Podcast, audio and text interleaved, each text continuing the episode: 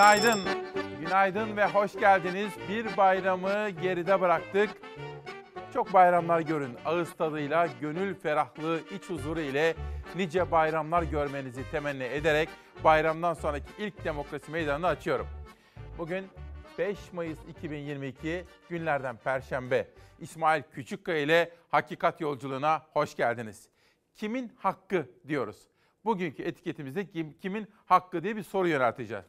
Gündeme şöyle bir baktığımız zaman bayram, yaşananlar, hayat pahalılığı. Hayat pahalılığı bayramı da etkiledi. Öyle değil mi? Peki bunu konuşacağız. Ve bugün Merkez Bankası enflasyon rakamlarını açıklayacak. Ne bekliyorsunuz? Bunu da konuşacağız. Merkez Bankası'ndan önce Amerika'da FED, Amerikan Merkez Bankası faizleri artırdı. Uzun yıllar sonra 0.50 bas puan artış bu piyasaları nasıl etkiledi buna bakacağız. Yani bayram, bayram sonrası hayat pahalılığı Merkez Bankası'nın bugün açıklayacağı enflasyon rakamları. Başka? Gündeminizde ne var? Tabii mülteciler meselesi var. Sığınmacılar konusu var. Bunu konuşmamız gerekiyor. Türkiye'de 8 ila 8,5-9 milyon arasında mülteci olduğu belirtiliyor.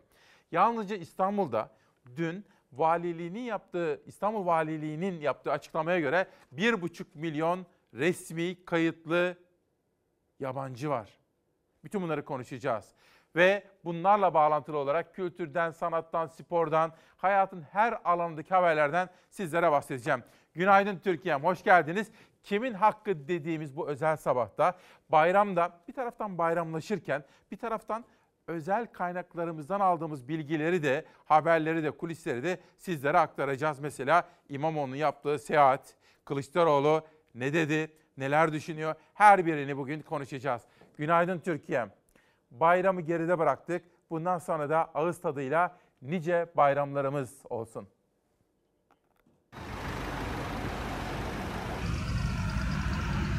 Bayramın son gününde trafikte manzara aynıydı. Karayolları sıkışık, istasyonlar kalabalık, feribotlarda da araç kuyrukları vardı. E, her zaman burayı tercih ediyoruz. Sık sık gelip gidiyoruz buraya. Hep e, feribotu tercih ediyoruz. Yani e, köprü ekonomik durumumuz uygun değil şu anda. Sadece trafikte kalır mıyım değil vatandaşın derdi. Hatta trafik dert bile değil yol maliyetinin yanında.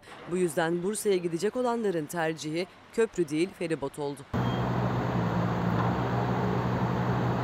Feribot biraz daha ucuz olduğundan köprü çok pahalı çünkü bunun iki katı. Bursa İstanbul istikametinde ise feribotta uzun araç kuyrukları vardı. Daha bayram bitmeden yoğunluğun başladığı 43 ilin geçiş güzergahı Kilit Kavşak Kırıkkale'de bayramın son günü kilometrelerce kuyruk oluştu. Gece yarısına kadar süren yoğunlukta ekiplerin herhangi bir olumsuzluğa karşı denetimleri hem karadan hem de havadan devam etti. Bayramda en çok rağbet gören Muğla'da özellikle Menteşe bölgesinde trafik çok yoğundu. Bodrum, Marmaris, Fethiye gibi yerlerden çıkarak Ankara, İzmir, İstanbul istikametine gidenler Menteşe'de kilometrelerce kuyruk oluşturdu.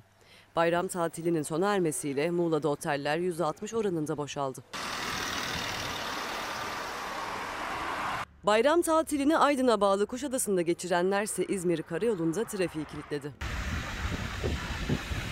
Şehir dışından İstanbul'a giriş yapanlar İstanbul'da en alışık olunan manzarayı oluşturdu. Tem otoyolu Kavacık Ümraniye istikametinde trafik gece boyunca çok yoğundu.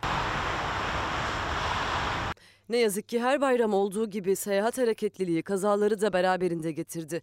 5 günlük bayram tatilinde 1707 kaza gerçekleşti. 26 kişi trafik kazasında yaşamını yitirdi. İstanbul'da bayramın son günü metro, metrobüs, otobüs ve tramvay durakları çok kalabalıktı. Vatandaşlar gelen araçlara binebilmek için uzun süre kuyruklarda bekledi.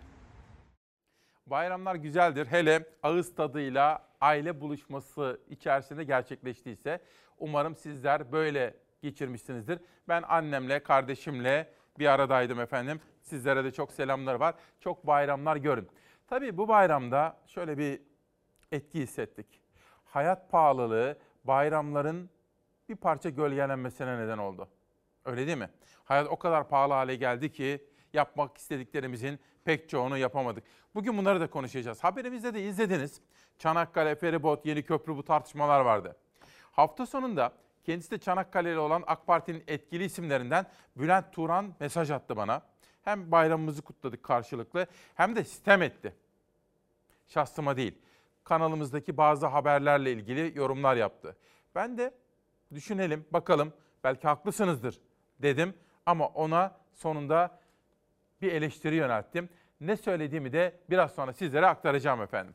Şimdi de hava durumunun detaylarıyla manşet yolculuğumuza devam ediyoruz.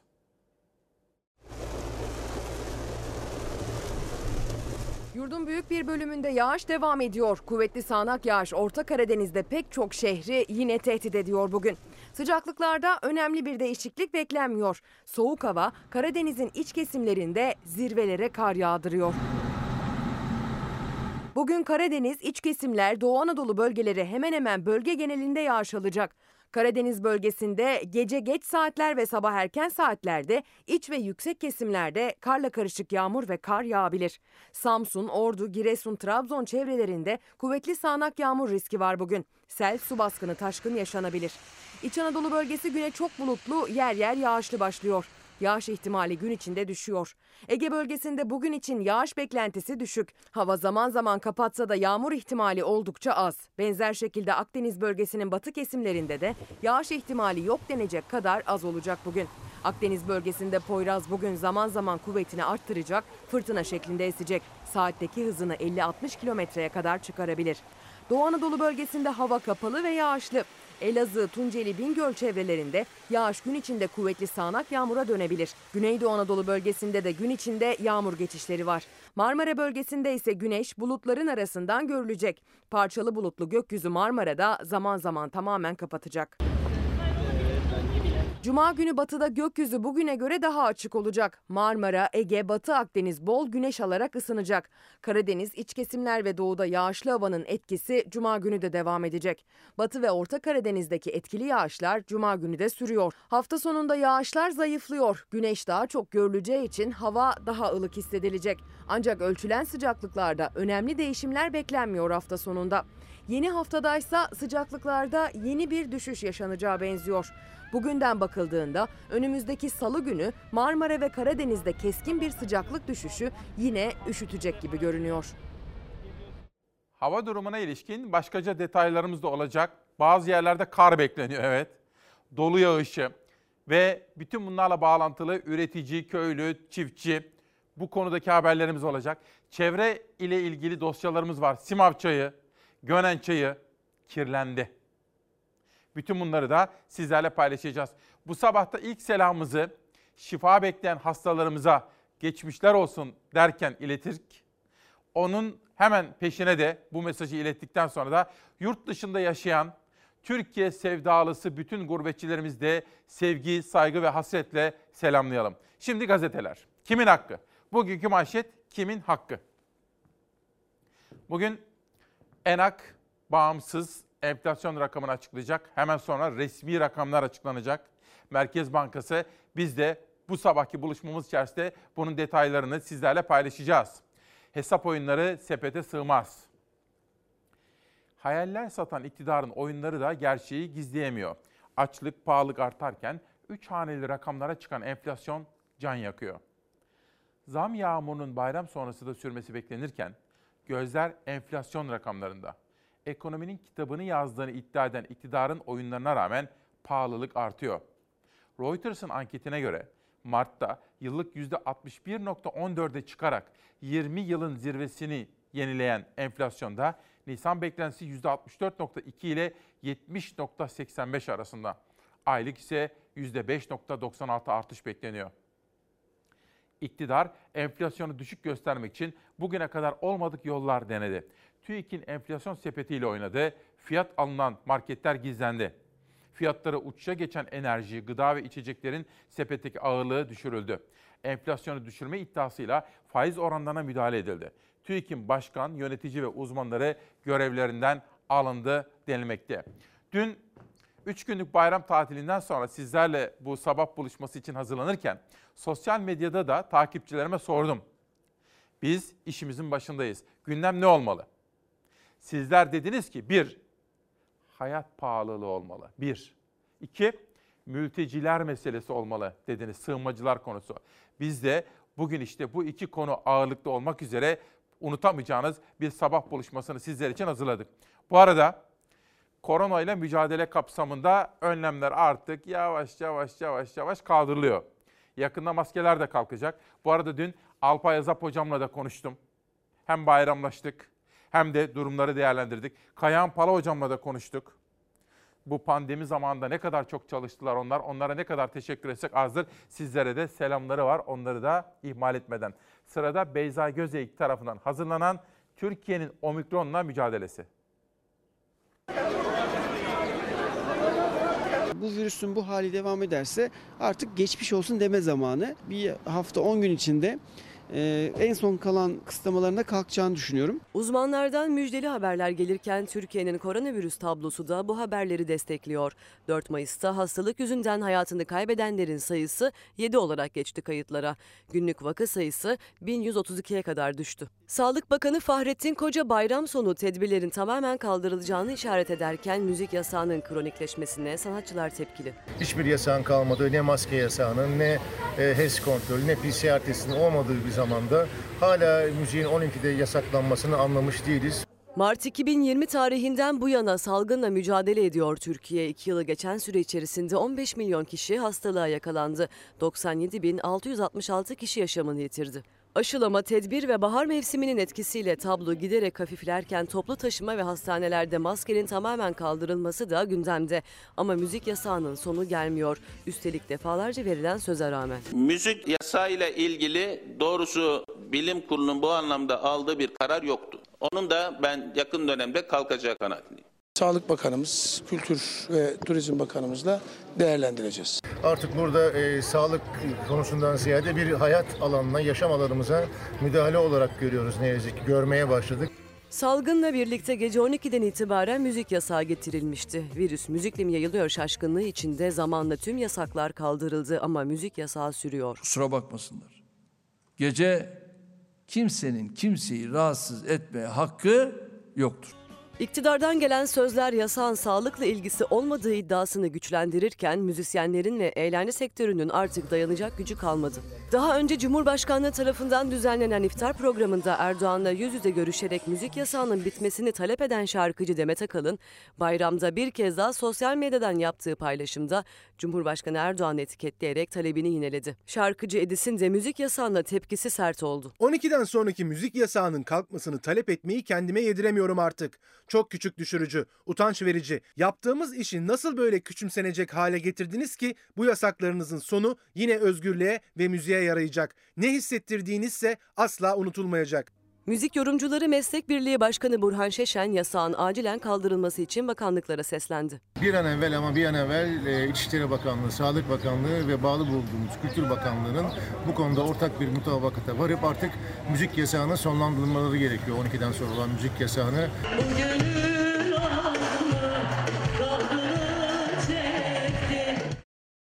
Üç günlük bayramdan hemen sonra 5 Mayıs 2022 İsmail Küçükkaya Demokrasi Meydanı'nda. Gündem böyle. Yani bir ekonomi.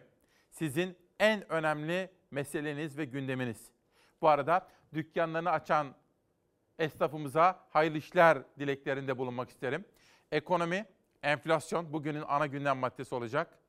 Ve mülteciler meselesi çok konuşuluyor. Bir soru sormak isterim sizlere. Türkiye'deki mülteci sayısı kaçtır efendim? Kaçtır? Resmi rakamları söyleyin. Yardımcı olayım mı size?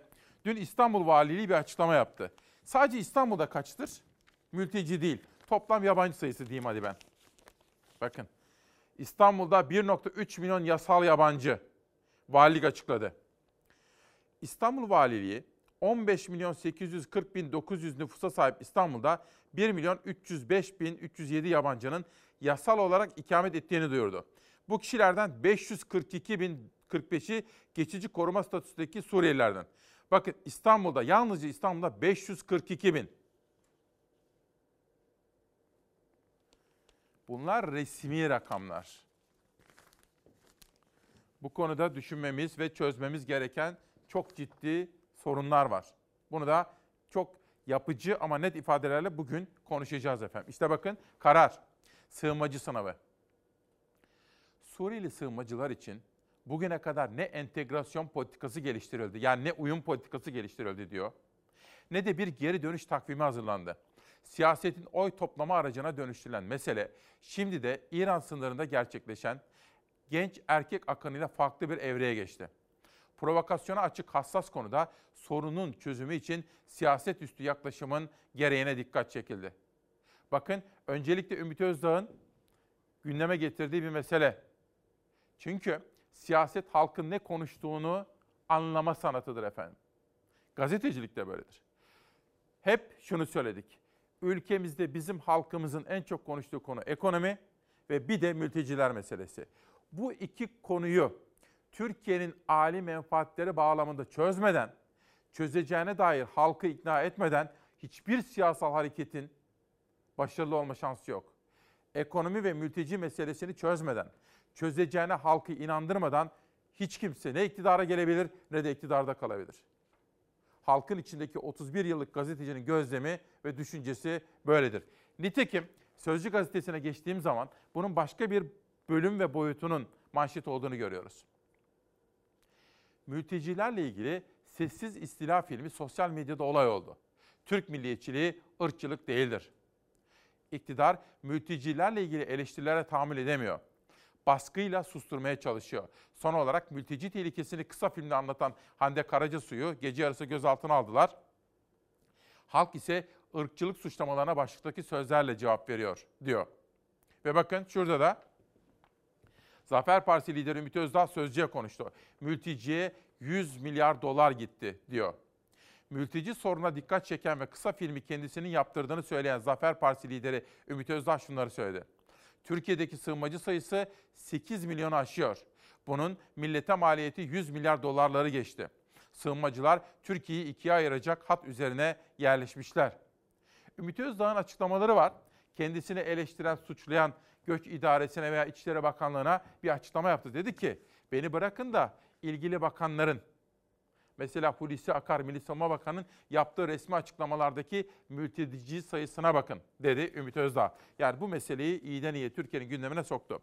Dünyaya da baktığımız zaman Rusya'nın ölümcül bir hatayla Ukrayna'yı işgalinin 71. gününde Batı ülkeleri Putin'i ve Rusya'yı etkisiz hale getirmeye çalışıyorlar ve bakın yaptırımlar.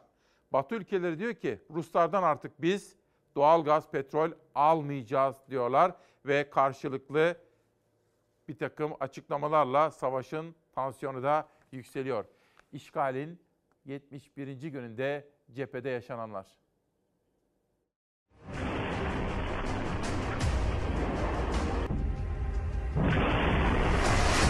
Rusya ordusu Ukrayna'ya yönelik saldırılarında asker sivil ayırmadı, üzerinden araçların geçtiği sırada bir köprüyü, çevrede sivillerin olduğu anlarda bir parkı bombaladı. Rus güçleri Mariupol'de direnişin sürdüğü çelik fabrikasına girdiklerini ileri sürdü.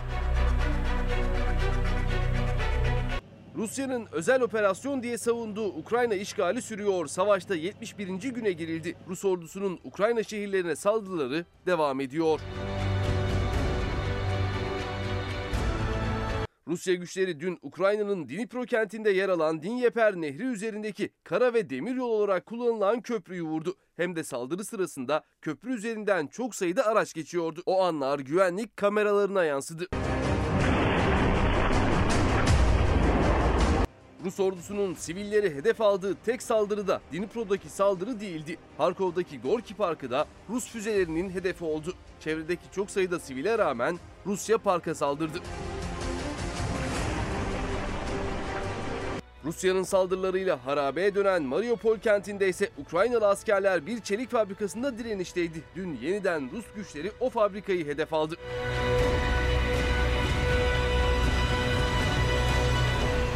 Rus kaynakları Rus güçlerinin o fabrikaya girdiğini duyurdu. Ukrayna ve Rus askerleri arasında çatışmaların sürdüğü öğrenildi. Rusya fabrikada mahsur kalan sivillerin tahliyesi için 3 gün boyunca insani koridor açılacağını duyurdu. Hurra!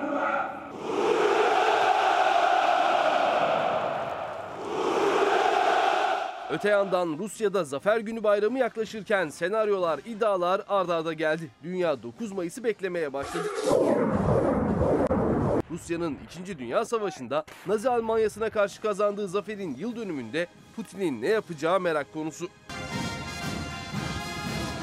Ortada birçok senaryo dolaşıyor. En çarpıcı olan Moskova'daki geçit töreniyle ilgili iddiaya göre Rusya çatışmalarda teslim olan esirlerini Kızıl Meydan'da yürütecek. Batı medyası ise Rusya'nın Ukrayna'ya karşı resmen savaş ilan ederek seferberlik başlatacağını yazdı. Putin'in seferberliği Nazilere karşı birlik olma çağrısıyla duyuracağını iddia etti. Kremlin iddiayı yalanladı. Haberleri saçmalık olarak niteledi. Başta Putin, tüm Rus yetkililer bugüne kadar işgal kelimesini kullanmıyor, bunun yerine özel operasyon gerçekleştirdiklerini söylüyor. Amerikan istihbaratı ise başka bir iddia ortaya attı. Rusya'nın Donetsk ve Luhansk'la ele geçirdiği her sonu Kırım gibi ilhak edeceğini öne sürdü. Mayıs ortasında referandum yaparak kukla yönetimleri başa getirmeyi planladığını savundu. Rus ordusu Batı'nın Kiev'e gönderdiği askeri yardımların peşine düştü. Savunma Bakanı Şoygu, Amerika ve Avrupa'yı tehdit etti. Ukrayna ordusuna silah taşıyan NATO araçları hedefimiz dedi. Kiev'e en fazla yardım gönderen ülkelerden İngiltere 300 milyon sterlin değerinde yeni askeri destek paketi hazırladı. Haberi Başbakan Johnson duyurdu. Johnson Ukrayna parlamentosuna seslendi. Putin'in yenilmez olduğu efsanesine son verdiniz dedi. Ayakta alkışlandı. Demek ki demek ki bugün ekonomiyi konuşacağız. Merkez Bankası'nın açıklayacağı enflasyonu ve Fed'in aldığı faiz artırma kararının piyasalara etkisini konuşacağız. Esnafımız, köylümüzle ilgili manşetler atacağız. Demek ki bugün mülteciler meselesini konuşacağız. Resmi rakamları ve resmi rakamların ötesinde yaşadıklarımızı tartışacağız. Demek ki bugün çok sayıda manşeti konuşmamız gerekiyor. Bugün Çalar Saat gazetesinde hayat pahalılığını gündeme taşıdık. Merkez Bankası'nın bir raporu, o rapordaki et fiyatları, temel ihtiyaçlardaki fiyat artışları gündemde. İşte bakın Çalar Saat. Gidişat nereye diye soruyoruz. Ipsos'un global endişe araştırması sonuçları. Soru, ülkemizin ekonomisini nasıl tanımlarsınız? İyi mi kötü mü? Cevap %82 kötü. Merkez Bankası raporu buğday ve yeme gelen zamlar yüzünden makarna, ekmek ve et fiyatları artacak. Bakın temel ihtiyaç makarna, ekmek, et fiyatları artacak. Sebep diyorlar jeopolitik gelişmeler yani savaş vesaire pandemiden sonra. Dünya da bunu yaşıyor ama biz çok ağır yaşıyoruz. Biz çok ağır ve derinden hissediyoruz. Çünkü Türkiye'deki ekonomi politikaları ve tercihleri de bizim yaşadığımız sorunu derinleştiriyor. Uzmanlar da işte bize bunu söylüyorlar. Dikkatle takip edin. Merkez Bankası raporlarından yola çıkarak hazırladığımız bir manşet. Zam bekleniyor. Yine mi? Ay bıktık artık zamlardan. Her gün her gün her gün zam. Her gün her gün zam geliyor. E çiftçiye destek vermezse, dışarıya bağımlı olursak böyle olur. Çiftçiye destek vermesi lazım ki çiftçi de üretsin. Bu zamlar olmak zorunda. Üretmediğiniz sürece olmak zorunda. Üreteceksiniz. Üretmezseniz daha iki katı, üç katı fiyatlara halk gıda maddesi alacak bu ülkede. Yani sonuç o. Et ve süt tüketimi tarihi e, düşüş yaşıyor. Yurt dışında çiftçilere destekler her geçen gün arttırılırken, gerçek anlamda dolar bazında arttırılırken Türkiye'de 4,5 milyardan 1,5 milyara düşmüşüz. Daha ne söylememiz gerekiyor bilemiyorum. Çiftçiye desteğin düşmesi gibi üretimde, tüketimde düşüyor ama fiyatlar yerinde hiç durmuyor, artıyor. Merkez Bankası en temel gıda ürünlerinde yeni zamların yolda olduğunun mesajını verdi. Sözcü gazetesinin haberine göre Merkez Bankası raporunda buğday ve yem fiyatlarının artmasıyla 4 ay boyunca ekmek, makarna, un, bulgur, et, süt ve yumurta fiyatlarının da zamlanacağı öngörüldü. Aç kalalım. Bir yediğimiz şey zaten makarna. Ülke durumunu biliyoruz zaten. Şu an asgari ücrete çalışıyoruz, zar zor geçiniyorum. Yumurta, işte süt ürünleri, peynir bunlara da gelecek. Onları kullanamıyoruz zaten. Onlar bizim için ulaşılmaz bir ürün. Onları yiyemiyoruz zaten. Sadece makarna. Merkez Bankası artık bunlara ihtiyaç duyup vatandaşa bunları haber veriyorsa vay halemize. O zaman demek oluyor ki unlu mamullere de zam gelecek, ekmeğe de zam gelecek. Şu an ekmek 3 lira 4 lira bantında. En temel gıda ürünlerine yeni zamlar yolda. Et ve süt ürünlerini unutan dar gelirlinin sığındığı limanlar ekmek ve makarna da buğday krizinden etkilenecek Merkez Bankası'na göre. Tüketici ambalaj zamları yüzünden raflarda süt zamlarıyla karşılaşıyordu zaten. Çiğ sütte ise üretici aylardır zararına üretim yapmaya çalışıyor. 5 lira 70 kuruş olarak son belirlenen süt fiyatının karşısında maliyetler şu anda 7 liraları geçmiş durumda. 1 litre sütün maliyet, üretmenin maliyeti. Dolayısıyla şu anda yine üreticiler zarar ediyor ama 15 Mayıs gibi üreticilere bir zam geleceği e, yönünde ette de sütte de hep fiyat aşağıya doğru baskılandı. Bu dönemlerde üretici hep zarar etti ve üretici üretimden çıkmaya başladı. Üretici zarar ederken tüketicinin de alım gücü düştü. Üretici üretmeyi, tüketici tüketmeyi bıraktı. Bizim tarafımızda e, büyük bir yangın var. Birkaç yıl önce 1 milyon liralı 1 milyonun üzerinde olan çiftçi sayısı 450 binlere düştü. Bu çok vahim bir gidişat. Üreticinin derhal düzeltilmesi, üretimi teşvik edilmesi için e, bir seferberlik yapılması gerekiyor. Dört senedir üretici hep sesini yükseltmeye çalışıyor. Duyun bizi, imdat diye bağırıyor. Ama çok duyarsız kalındı. Bir çocuğum var. Bir hafta süt içirmedim ama ertesi gün bana soruyor diyor ki süt istiyorum. Yumurta iki tane e, kızım sporcu olduğu için yedirmek zorundayım. Şu anda kestim gün aşırı veriyorum. Sütü bile 3 kilo alıyordum artık 2 kilo alabiliyorum. Yani torunumuza bile bayram harçlığı veremez duruma geldik. Biz Ocak ayında, Aralık ayında söyledik kıtlık gelecek diye. E, geldik çattık o günlere. Kıtlık derken rafta ürün bulamamaktan hiçbir zaman bahsetmiyoruz. Ürünü raftan satın alamamaktan bahsediyoruz. Şimdi bu haberde izlediğiniz Sencer Solakoğlu var ya çok parlak, çok yurtsever birisi. Vallahi Tarım Bakanı olacak insan yani. Onu önümüzdeki günlerde ben şimdi yönetmenime söyleyeyim de editörümle de temas etsinler. Ben de arayayım gerekirse. Sencer Bey'i buraya bir davet edelim de arkadaşlar uzun uzun konuşalım. Tarımı, üreticiyi, besiciyi. Sizlerden gelen yorumlar. Kazım Karagöz. İsmail Bey günaydın. Hayırlı sabahlar. Geçmiş bayramımız mübarek olsun. Bütün faizsiz krediler esnafa verilmeli, üreticiye tahsis edilmeli. Ülkede en çok sıkıntıyı kim çekiyor? Esnaf ve üretici. Sabah dükkanımızı açıyoruz bismillah en az 10 kaleme zam gelmiş diyor Kazım Karagöz. Ben bunu şöyle bir retweet edeyim ki herkes görsün. Engin Bey, İsmail Bey günaydın. Bizdekilerin çoğu mülteci değil. Bunlar sığınmacı, düzensiz göçmenler.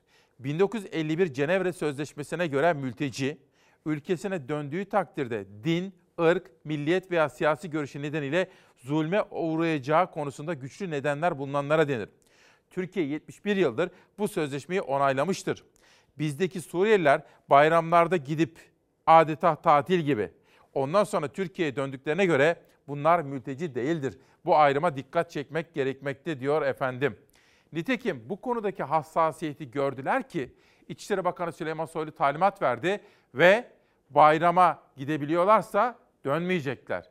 O halde gitmelerine izin vermeyeceğiz dedi. Böyle bir uygulama yapıldı ilk defa bu sene biliyorsunuz. Şimdi geçelim bir başka meseleye. Şimdi efendim şöyle biraz önce de ifade ettim sizlere sordum sizlerden de geldi. Bir, ülkenin gündemi ekonomi. İşte bugün enflasyon açıklanıyor. İki, ülkenin gündemi mülteci. Bu ikisi. Bu iki sorunu kim çözecekse, kim çözeceğine dair halkı ikna ederse iktidara o gelir veya iktidarda o kalır. Gerisi yalan. Siyasete de baktığım zaman şöyle bir bakalım. İmamoğlu Trabzon'da gündemimde adaylık değil değişim var diyor. İstanbul Büyükşehir Belediye Başkanı Ekrem İmamoğlu Karadeniz ziyaretine Rize ve Artvin'in ardından Trabzon'da devam etti. Trabzon'da bayramlaşma ziyarette konuşan İmamoğlu Akçabat'ta halk buluşmasında Yomra'da da park açılışına katıldı ve oralarda da konuşmalar yaptı. Tabii bu hakikaten çok konuşuldu hafta sonunda İmamoğlu'nun gidişi. Eleştiren de çok oldu, gazeteciler de. Mesela bir fotoğraf gelecek. Dün beni ne bileyim Murat Ağırel aradı. O kadar çok gazeteci aradı ki ya ne diyorsun filan diye. O kadar çok konuşuldu ve Ekrem İmamoğlu'yla onun basın danışmanına çok ağır eleştiriler de geldi. Onu da söyleyeyim. Bilemem. Şimdi sizlerin yorumlarını rica edeceğim. Bu İmamoğlu'yla birlikte Karadeniz'e giden arkadaşlarımız, gazeteciler bunlar. Ve işte bu fotoğraf trend topik oldu. Yani Twitter'da en çok konuşulan konu oldu. Özellikle İmamoğlu'nu bugüne kadar eleş- destekleyen pek çok gazeteci de İmamoğlu'nu da burada eleştirdiler. Bilemiyorum. Yorumu sizlerden almak isterim. Ama gerçek şu, İmamoğlu'nun bu gezisi çok konuşuldu, çok tartışıldı. Bundan sonra da çok konuşulacak, çok tartışılacak. Bakalım CHP Genel Merkezi neler diyecek? Belki unutmuşsunuzdur. Her şey Vallahi hiç unutmadınız. Helal olsun size. Sabah kalkıyorlar Ekrem İmamoğlu. Akşam yatıyorlar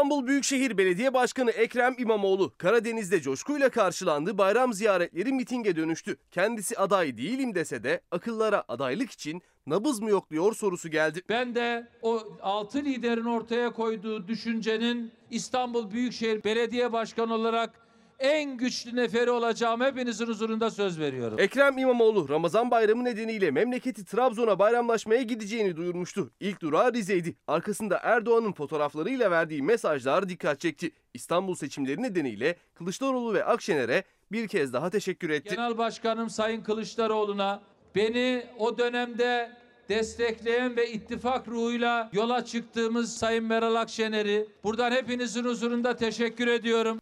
Rize'den sonra Artvin'e geçti İmamoğlu. İlçeleri dolaştı. Sadece gündüz değil akşam saatlerinde de sürdürdü konuşmalarını. Otobüs üzerinden kalabalıklara hitap etti. Her durağı bir miting meydanı gibiydi.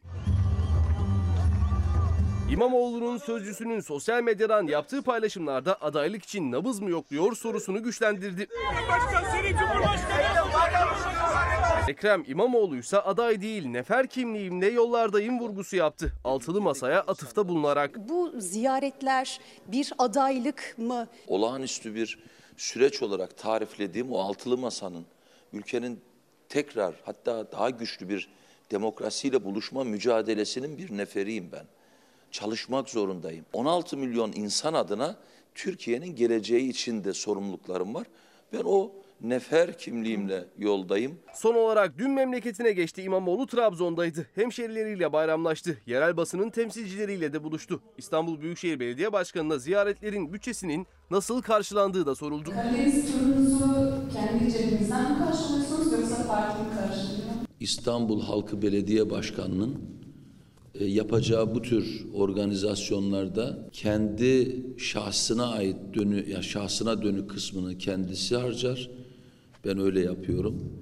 Bir bölümünde de tabii ki kurumun harcadığı bir takım lojistik katkı sunan şeyleri vardır. Bir dahaki e, böyle buna benzer bir basın toplantısında e, bugünün ve dünün bakanlarına, bugünkü iktidar mensubunun akrabalarını bulunduğu ortamda aynı soruyu onlara sormanızı sizden itinayla rica ediyorum.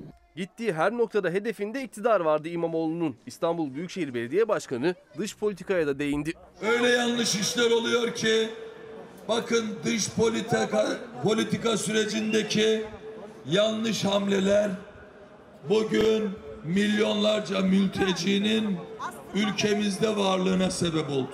Ahmet Çıkın İmamoğlu'na siyaset yasağı gelebilir iddiasına da değinmeyi ihmal etmedi. Ne olmadı ki bu ülkede bu olmasın? Bir Ekrem'e böyle bir şey yapar, bir bakarsınız milyonlarca Ekrem ona sandıkta tokat gibi bir cevap verir. Türkiye'de ne yazık ki her şey mümkün ama bu her şey mümkünün bitmesine de bir yıl kaldı. Sadece mitinge dönüşen bayramlaşma turları, o ziyaretlerin bütçesi aday olacak mı sorusu da konuşulmadı İmamoğlu'nun Karadeniz ziyaretinde. Ziyaret sırasında İmamoğlu'nun otobüsünden yansıyan bu karede tartışma konusu oldu. Özellikle sosyal medyada. Allah şahit ki enerjide doldum. Zımba gibi dönüyorum İstanbul'a zımba gibi. Hazır mıyız? Her şey Tartışmalar, eleştiriler, destek mesajlarının gölgesinde İmamoğlu Karadeniz turunu tamamladı.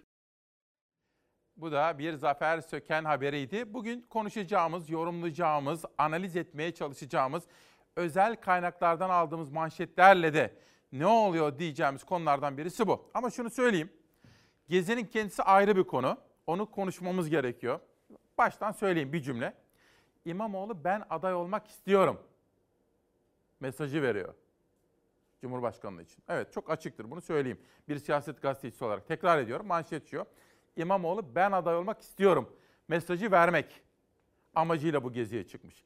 Ha sonucu nasıl olacak onu göreceğiz. Ama iletişim açısından bence hatalı bir strateji.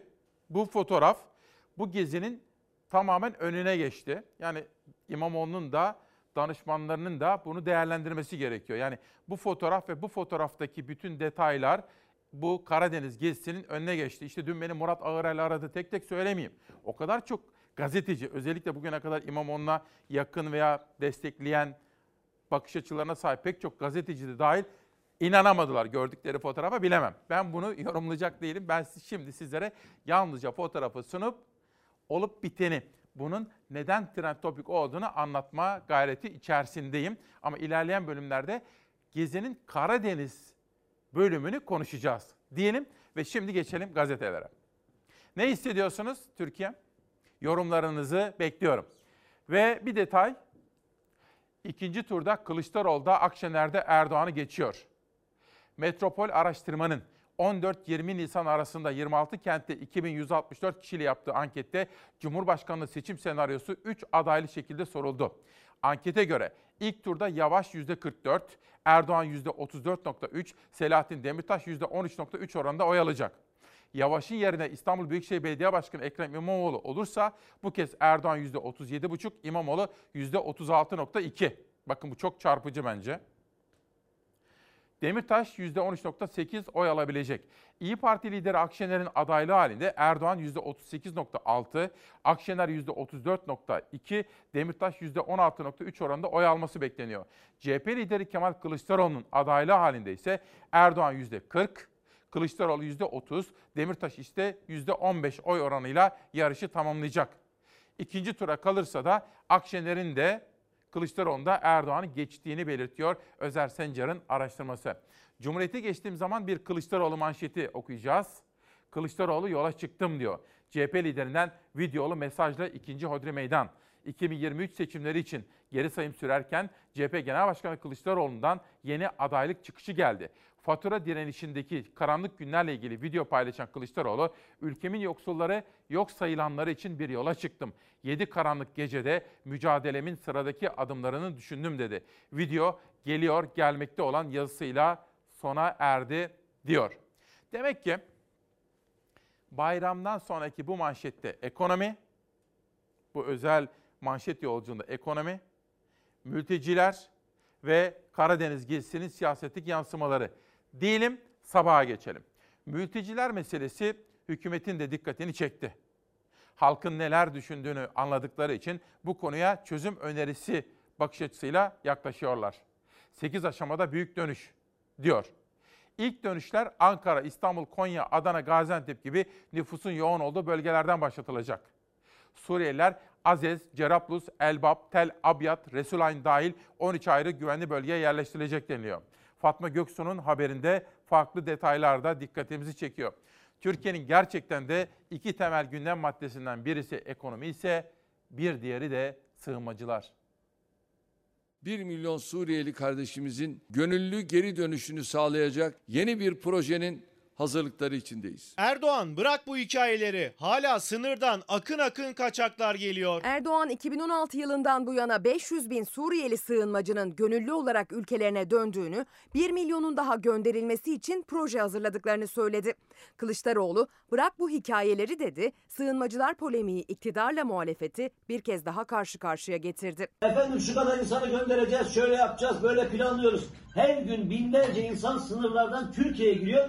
Sen çıkmışsın biz göndereceğiz diyorsun. Hadi orada. 2016 yılından bugüne kadar güvenli bölgelere yaklaşık 500 bin Suriyeli geri dönüş yapmıştır. Güvenlik güçlerini teyakkuza geçir ve sınırdan tek bir kaçağın geçmesine izin verme. Zaten biz gerisini iki yılda göndereceğiz. Senin yalandan projelerine hepimizin karnı tok. Sığınmacı sorunu en hassas tartışma başlıklarından biri. Bu kapsamda iktidar sığınmacı karşıtı her açıklamayı, paylaşımı yakın takipte. Ümit Özdağ, Sinan Oğan, Bengi Başar gibi sözüm ona akademik ünvan taşıyan bazıları Türkiye'de 8 milyon 10 milyon Suriyeli olduğu yalanını yayıyor. Yabancı düşmanlığı yapıyorlar. Haklarında göç idaremiz suç duyurusunda bulunacaktır. Suç duyurusunda bulunmayan namerttir. Emperyalist bir iç savaş projesinin taşeronluğunu yapıyorsunuz. Türkiye'nin milli kimliğine suikast düzenliyorsunuz. İçişleri Bakan Yardımcısı İsmail Çataklı'nın suç duyurusu çıkışı anında yanıt buldu. Sinan Oğan suç duyurusu paylaşımına Ali Kınık'ın Satan Utansın şiirinin dizeleriyle yanıt verdi.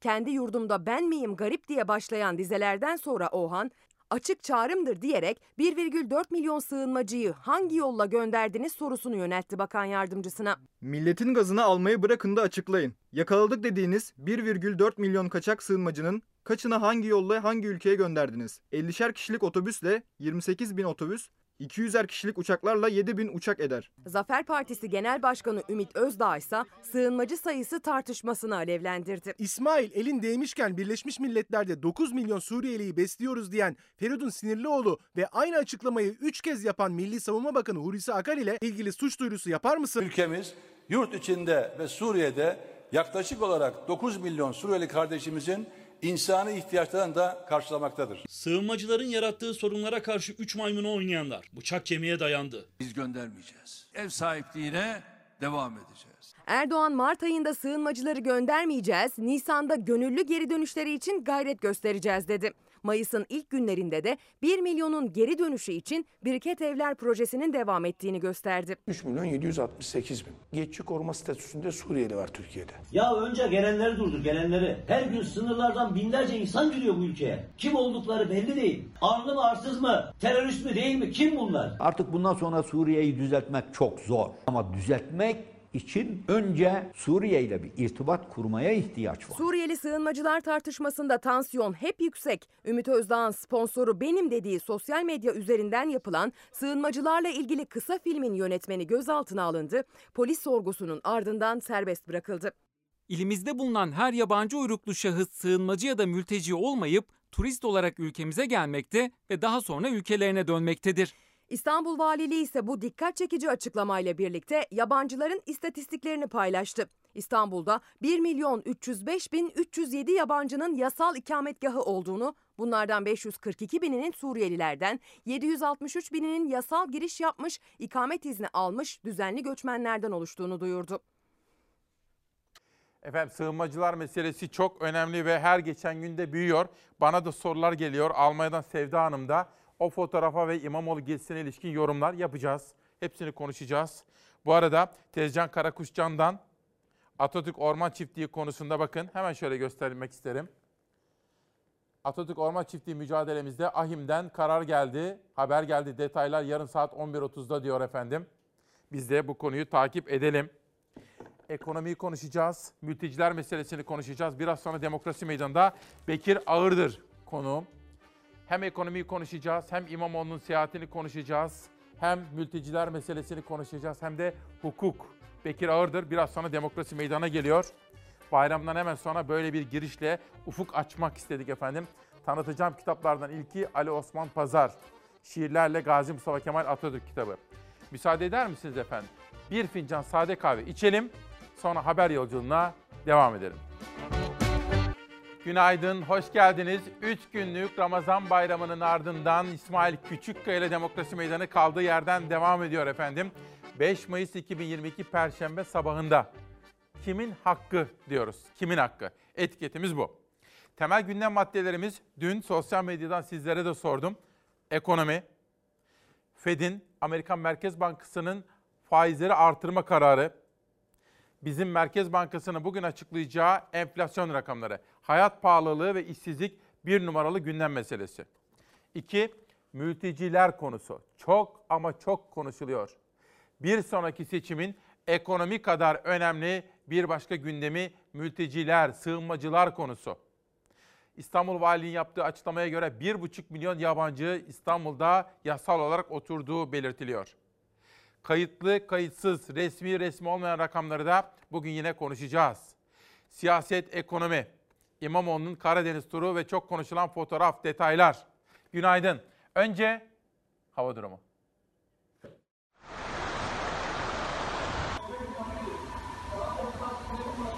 Kuvvetli sağanak yağış Orta Anadolu'da sel, su baskını ve taşkınlara yol açtı. Kırsalda heyelan nedeniyle ulaşım aksadı.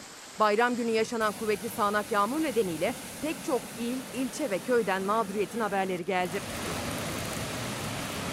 Abi şu an itfaiyeye aramışım. Arabam komple gömülmüş içinde kalmış. İtfaiyeci diyor ki ben göndermiyorum. Elazığ'da sağanak yağış nedeniyle alt geçitleri su bastı, araçlar yollarda mahsur kaldı. Aracı suya gömülen bir vatandaş itfaiyenin gecikmesine tepki gösterdi. İki saattir arabamız içinde gömülü kaldı. Arabamız komple gömülü. Araba gömülmüyor. Kayseri'nin Yahyalı ilçesinde aşırı yağış sel ve heyelana neden oldu.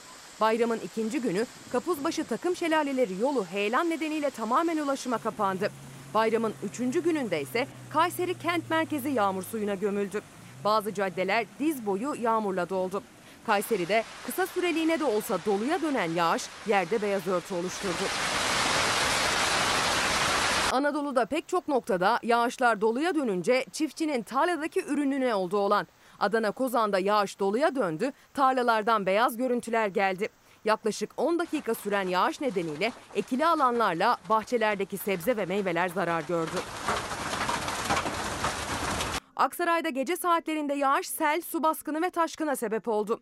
Güzelyurt ilçe merkezinde ve Selime beldesinde yağış hasar bıraktı. Dereler taştı, bazı tarım arazileriyle evlerde su baskınları meydana geldi. Bugün de Orta Karadeniz kıyısı ve iç kesimleriyle kuvvetli sağanak yağış riski altında.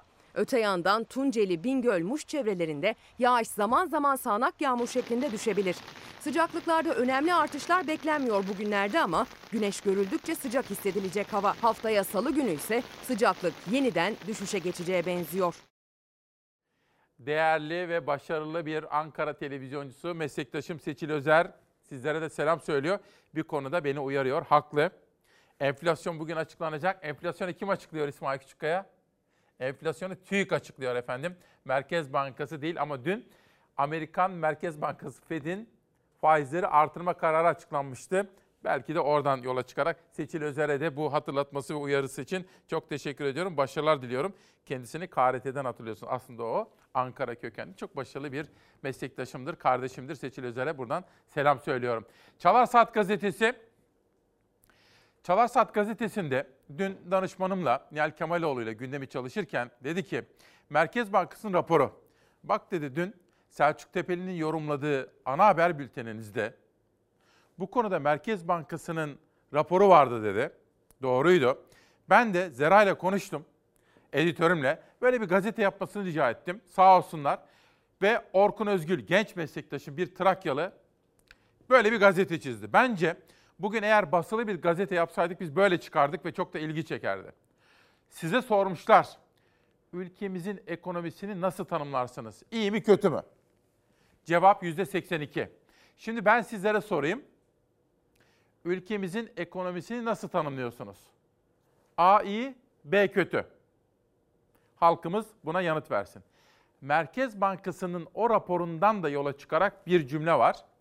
Buğday ve yem fiyatlarına gelen zamlar yüzünden makarnanın, ekmeğin, et fiyatlarının artacağını öğreniyoruz. Ama zaten biliyorduk da Merkez Bankası'nda bunu da kabul etmiş oldu efendim. Peki pek çok atasözü aklınıza gelecek şimdi. Ben söylemeyeceğim.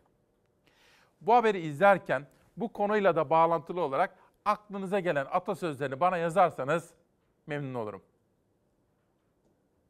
dünyanın milli gelirine göre en çok yardım yapan ülkesiyken şimdi artık tüm alanlarda dünyanın en çok yardım yapan ülkesi durumundayız. Pandemide esnafa destek vermedin, çiftçiye gübre desteği, mazot desteği vermedin, EYT'yi çıkarmadın, emekli ikramiyelerini artırmadın, yabancılara verdiğin destekle övünüyorsun. Savaşlar elbette kötü, insanların öldürülmesi kötü, göç kötü ama önümüzde çok daha büyük krizler, insani krizler olma ihtimali var.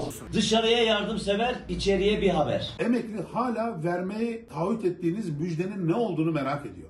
Emekli günlerdir 1 Mayıs'tan beri bekliyor. Çalışma Bakanı'nın söz verdiği gibi Cumhurbaşkanı Erdoğan açlık sınırının yarısı 2500 lira olan maaşına zam açıklaması yapar mı diye. Ama Erdoğan'dan 13 milyon emekliye değil dünyaya yardım açıklaması geldi. Sadece Suriye'de değil, Afganistan'dan Pakistan'a, Bangladeş'ten Filistin'e, Yemen'den Ukrayna'ya kadar geniş bir coğrafyadaki insani yardım operasyonlarımızı kesintisiz sürdürüyoruz. Bütün milletleri sevdin fakat bir tek Türk milletini sevmedin. Sadece 85 milyonun sorumluluğunu taşımıyoruz. Ayrıca Kafkaslar'da, Orta Doğu'da, Kuzey Afrika'da, Orta Asya'da, Balkanlar'da yaşayan 1,5 milyar din kardeşimizin sorumluluğu da bize ait. Binali Yıldırım, 84 milyon Türkiye'de açlığa, yokluğa ne çare oldunuz? Memleketi batırdınız. Şimdi çıktınız, dünyayı kurtarmaya soyundunuz. Kendinizi ne zannediyorsunuz siz ya? AK Parti Genel Başkan Vekili Binali Yıldırım da Cumhurbaşkanı gibi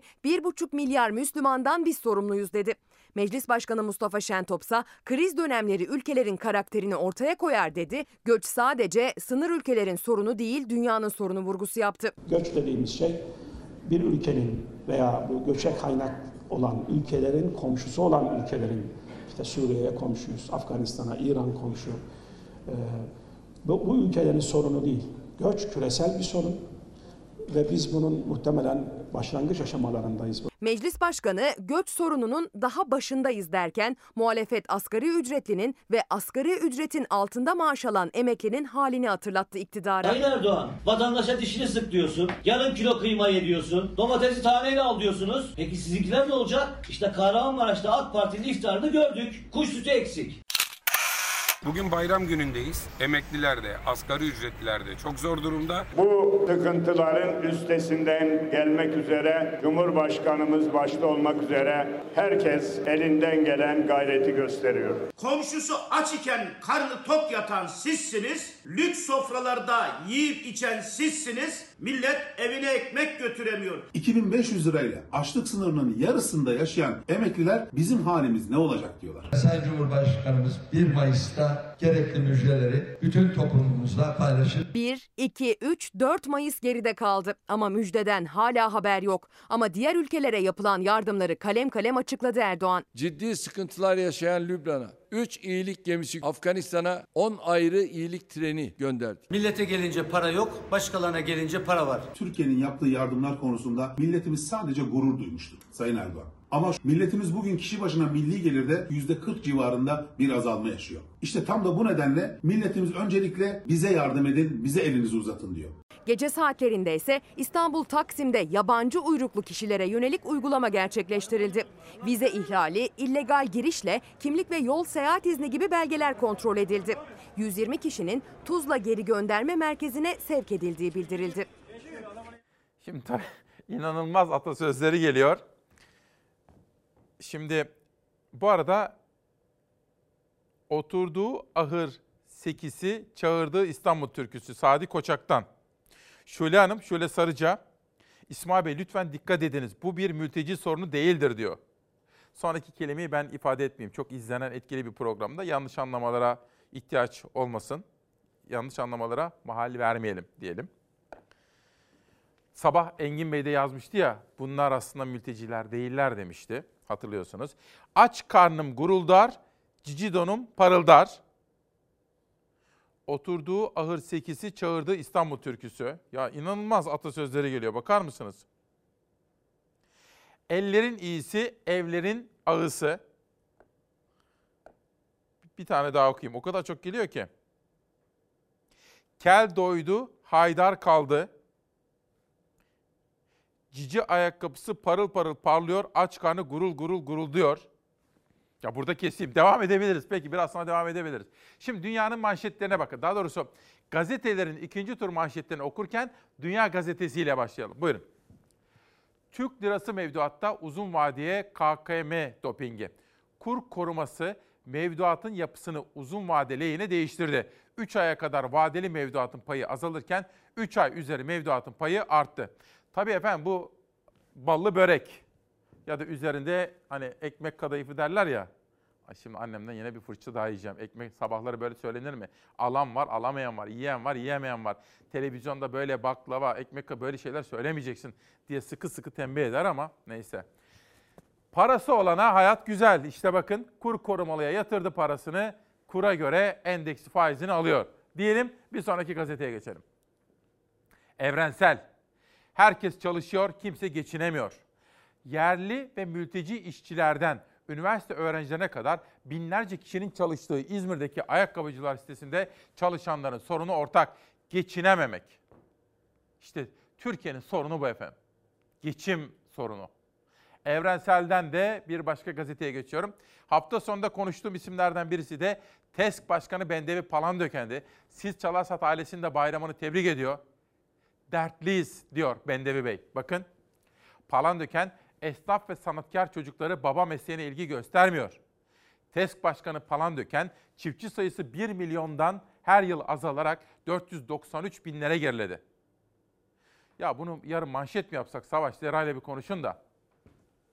Hatta bu Bursa'daki o e, şey vardı ya Sencer Bey. Onu da bir davet edelim haftaya. Sencer Bey'i. 1 milyondan her yıl azalan çiftçi sayısı 493 binlere geriledi.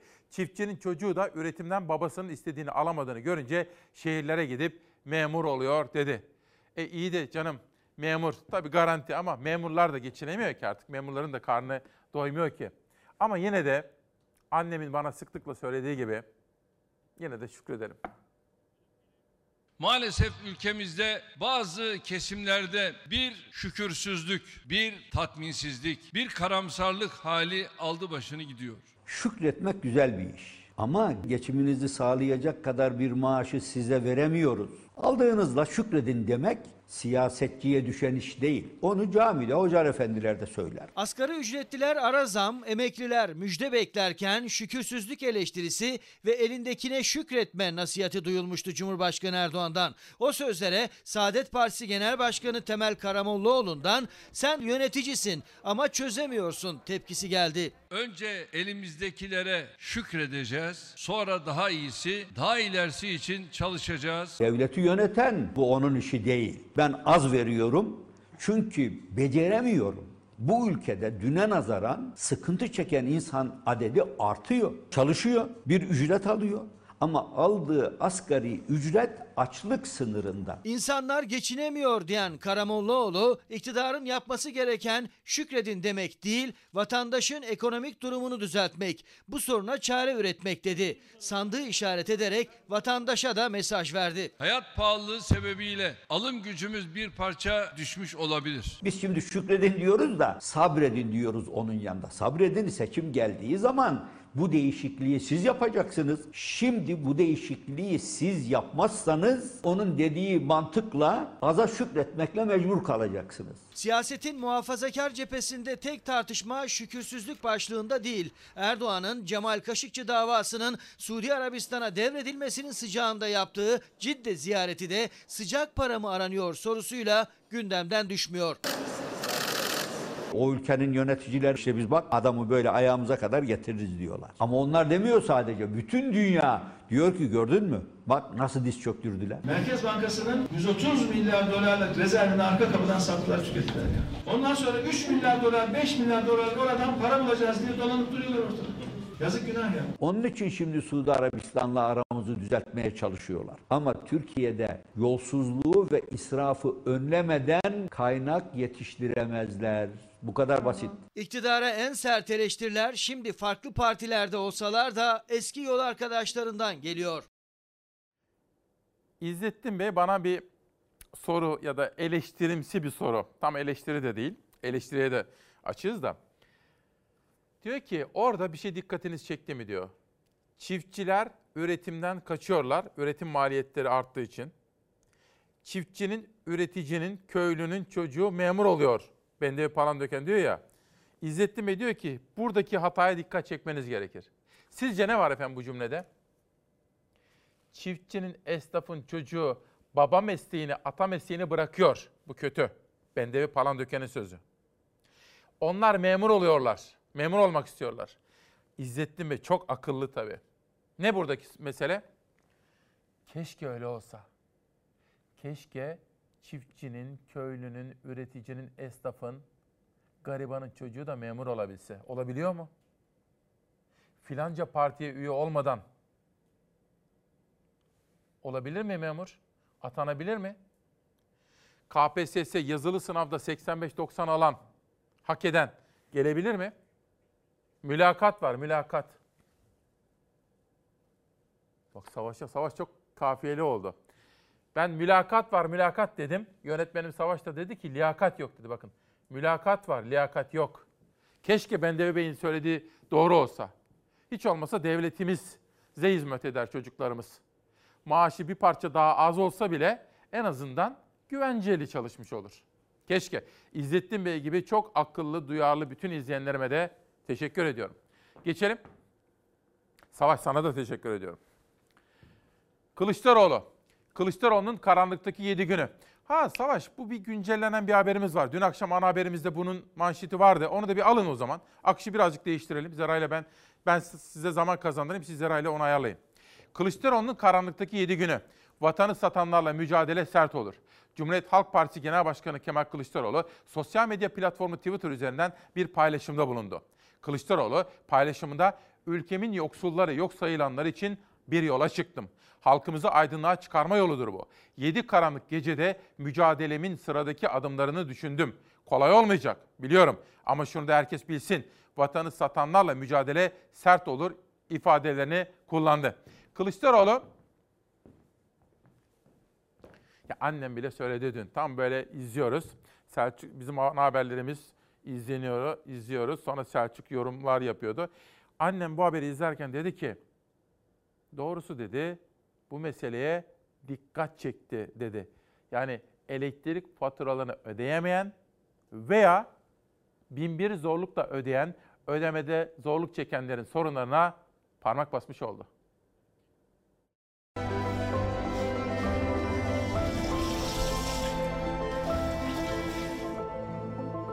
Karanlıkta tıraş oldu, karanlıkta okudu, karanlıkta yemek yedi. Faturalarını ödeyemeyen, evlerinde karanlığa mahkum olan 4 milyon abonenin sesini iktidara duyurmak isteyen CHP lideri elektriksiz bir evde neler yaşandığını kendinden örneklerle gösterdi. En doğal ev haliyle. Kızın gözleri daha mı mavi ya? Vallahi bilmiyorum. İkisinin gözleri de öyle. Ay günlük fotoğrafları akşam servis ediyor bana. 7 gece elektriksiz yaşayan Kılıçdaroğlu ailesinin karanlığı torunlarının resimleriyle renklendi. Kimi zamanda bir koltuğa uzanıp okunan gazete, kitap ve makalelerle. İlginç bir yazı. Tarımdan önce çocuk ölümleri %50 civarındaydı. Karanlık gecelerde komşuların desteği gibi ziyaretçileri de eksik olmadı. Kılıçdaroğlu 7 gecenin öyküsünü 9 dakikada anlattı. Komşular börek falan getirmişler. Yani her türlü şeyi yardımı yapıyorlar. Ülkemin yoksulları, yok sayılanları için bir yola çıktım. Halkımızı aydınlığa çıkarma yoludur bu. Yedi karanlık gecede mücadelemin sıradaki adımlarını düşündüm. Kolay olmayacak biliyorum. Ama şunu da herkes bilsin. Vatanı satanlarla mücadele sert olur. Vatanı satanlarla kavga edeceğiz.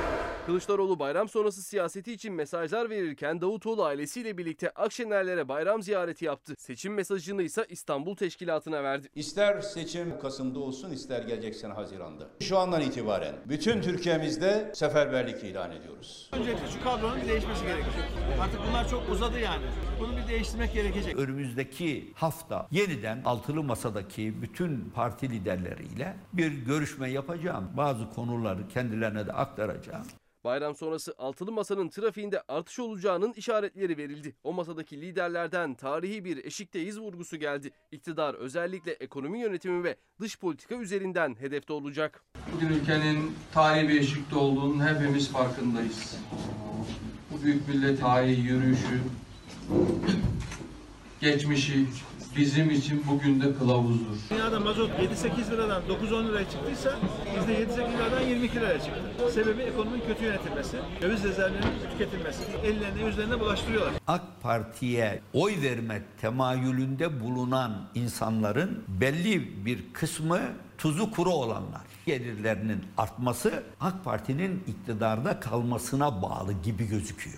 Dış politikamızdan iç politikamıza her sahada maalesef Türkiye çok uzun süredir kaynaklarını, tercihlerini yanlış rotada yapmış, kötü yöneten bir ülke.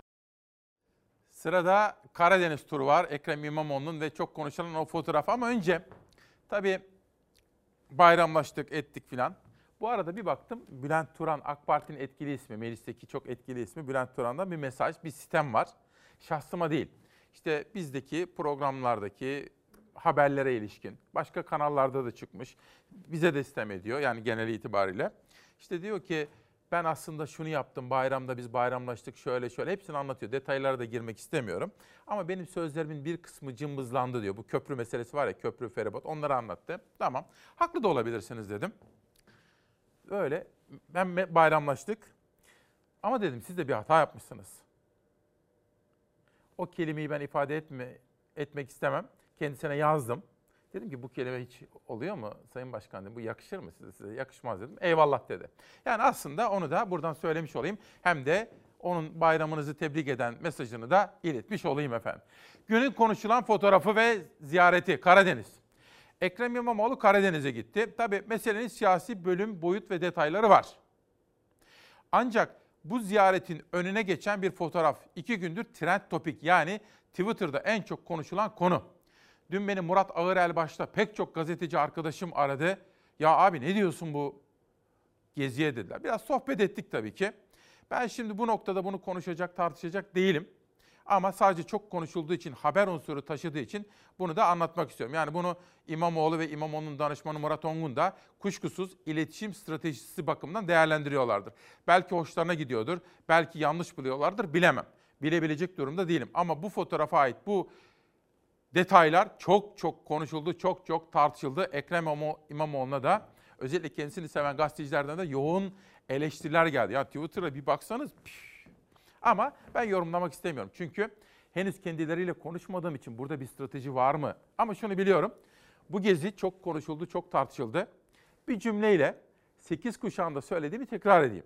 Burada hiç öyle lamı cimi falan yok. Onu size söyleyeyim. Kelime oyunlarına falan da gerek yok. 31 yıllık bir gazeteci gördüğünü yorumlayacaksa Ekrem İmamoğlu ben Cumhurbaşkanı adayı olmak istiyorum. Ben buradayım. Ben varım mesajını veriyor. Ha CHP Genel Merkezi veya altı partinin liderleri bu konuda ne düşünürler? Orası ayrı bir husus.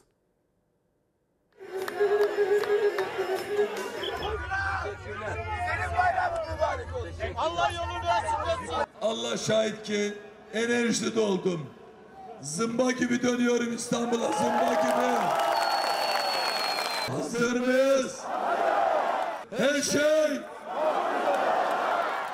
Bayram ziyareti için gittiği Karadeniz turunun son ayağı Trabzon'du. Bayramlaşma mitinge dönüştü. Akıllara İmamoğlu Cumhurbaşkanı adaylığı için nabız mı yokluyor sorusu geldi. Herkesin merak ettiği o soruyu Fox Haber muhabiri Gülşah İnce canlı yayında sordu İmamoğlu'na. Bu ziyaretler bir adaylık mı? Olağanüstü bir süreç olarak tariflediğim o altılı masanın ülkenin tekrar hatta daha güçlü bir demokrasiyle buluşma mücadelesinin bir neferiyim ben. Çalışmak zorundayım. 16 milyon insan adına Türkiye'nin geleceği için de sorumluluklarım var. Ben o nefer kimliğimle yoldayım. İstanbul Büyükşehir Belediye Başkanı Ekrem İmamoğlu iki günlük Karadeniz ziyaretinde coşkuyla karşılandı. Aday değilim dese de gezdiği alanlarda aday gibi karşılandı. Sözcüsü sosyal medya paylaşımlarında halkın o yöndeki taleplerini de paylaştı. Seçim otobüsü üzerindeki konuşmalarında eleştirisi de iktidara yönelikti. Devletin eli şefkattir şefkat. Ama böyle bir ortam gelişti. Kızan, bağıran, sert konuşan, her şeyi bilen, başkası hiçbir şey. Her şey o biliyor. Öyle bir şey yok. Trabzonspor'un şampiyonluk sevincinin üzerine İstanbul Büyükşehir Belediye Başkanı Ekrem İmamoğlu Trabzon'a geldi ve işte bu şekilde bir karşılamayla Trabzon'da ve otobüsün önünde de coşkulu bir kalabalık var. Bayramlaşma turunun son gününde, bayramın da son gününde Ekrem İmamoğlu memleketi Trabzon'da Atatürk Meydanı'nda konuşmasını yağmur altında sürdürüyor. Ama buna rağmen görünen o ki hemşehrileri İmamoğlu'nu yalnız bırakmadı. Öyle yanlış işler oluyor ki bakın dış politika, politika sürecindeki yanlış hamleler bugün milyonlarca mültecinin ülkemizde varlığına sebep oldu. İtibarlı dış politika, itibarlı. Biz o terbiyeyi Atatürk'ten aldık. Kahvaltıda yerel basın mensuplarıyla bir araya gelen İmamoğlu'na iki günlük Artvin, Rize, Trabzon seyahatinin maliyetini nasıl karşıladığı da soruldu. Karadeniz turunuzu kendi cebinizden mi karşılıyorsunuz yoksa parti mi karşılıyor? İstanbul Halkı Belediye Başkanı'nın e, yapacağı bu tür organizasyonlarda kendi şahsına ait dönü ya şahsına dönük kısmını kendisi harcar. Ben öyle yapıyorum. Bir bölümünde de tabii ki kurumun harcadığı bir takım lojistik katkı sunan şeyleri vardır. Bir dahaki e, böyle buna benzer bir basın toplantısında e, bugünün ve dünün bakanlarına, bugünkü iktidar mensubunun akrabalarını bulunduğu ortamda aynı soruyu onlara sormanızı sizden itinayla rica ediyorum. İmamoğlu'nun gezisi. Bunu yine konuşmaya devam edeceğiz. Biraz sonra Bekir Ağırdır geliyor efendim bakın. Çok güvendiğimi biliyorsunuz kendisine. Eserlerinden, araştırmalarından, görüşlerinden faydalandığım bir isimdir.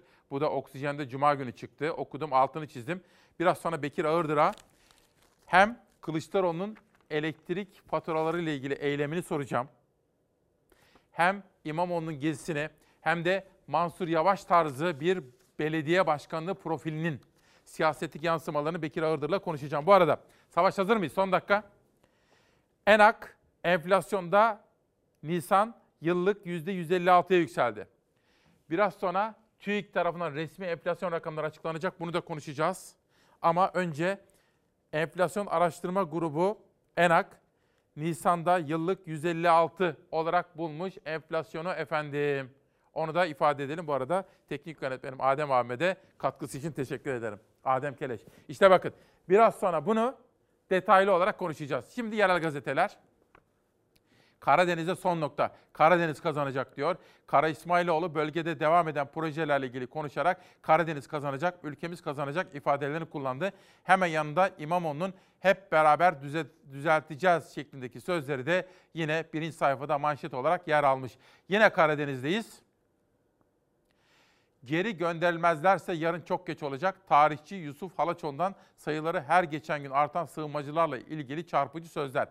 Bu Karadeniz gazetesi de logonun hemen yanında İmamoğlu'nun gezisini birinci sayfaya doğru aktarmışlar efendim. Son söze geçelim. Malatya. Ha Hüseyin Kış bayramlaşırken onlar da hepsi Malatya'ya gitmişlerdi memleketlerine ve hepinizin geçmiş bayramını bir kere daha tebrik ediyorum.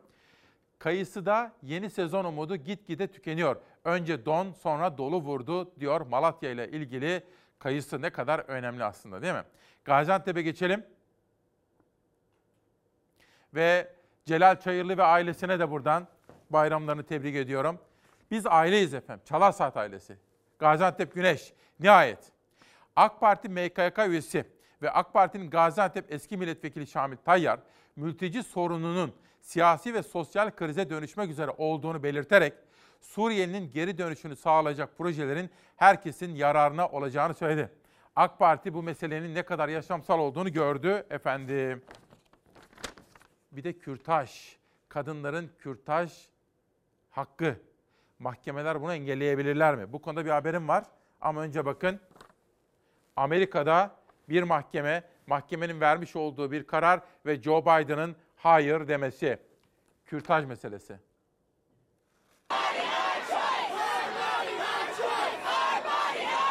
Amerika Birleşik Devletleri'nde kürtaj hakkını garantileyen yasanın değişeceği iddiaları gündeme geldi. Ülke çapında kitlesel protestoların fitili ateşlendi. 1973 tarihinde alınan Roe v. Wade kararıyla kadınların kürtaj hakkı koruma altına alındı. Ancak Amerika Birleşik Devletleri'nde kürtaj karşıtları ve kürtaj haklarının korunmasını isteyen kitleler defalarca karşı karşıya geldi. Bugün yüksek mahkemenin kararı kaldırmaya hazırlandığı iddiası yine insanları sokağa döktü. Women's rights in America are under attack. Başkan yardımcısı Kamala Harris kadın hakları saldırı altında dedi. Kürtaj hakkını koruyan yasanın kaldırılacağına dair basına sızdırılan iddia ile ilgili Başkan Biden'ın soruşturma başlatıldığını duyurdu.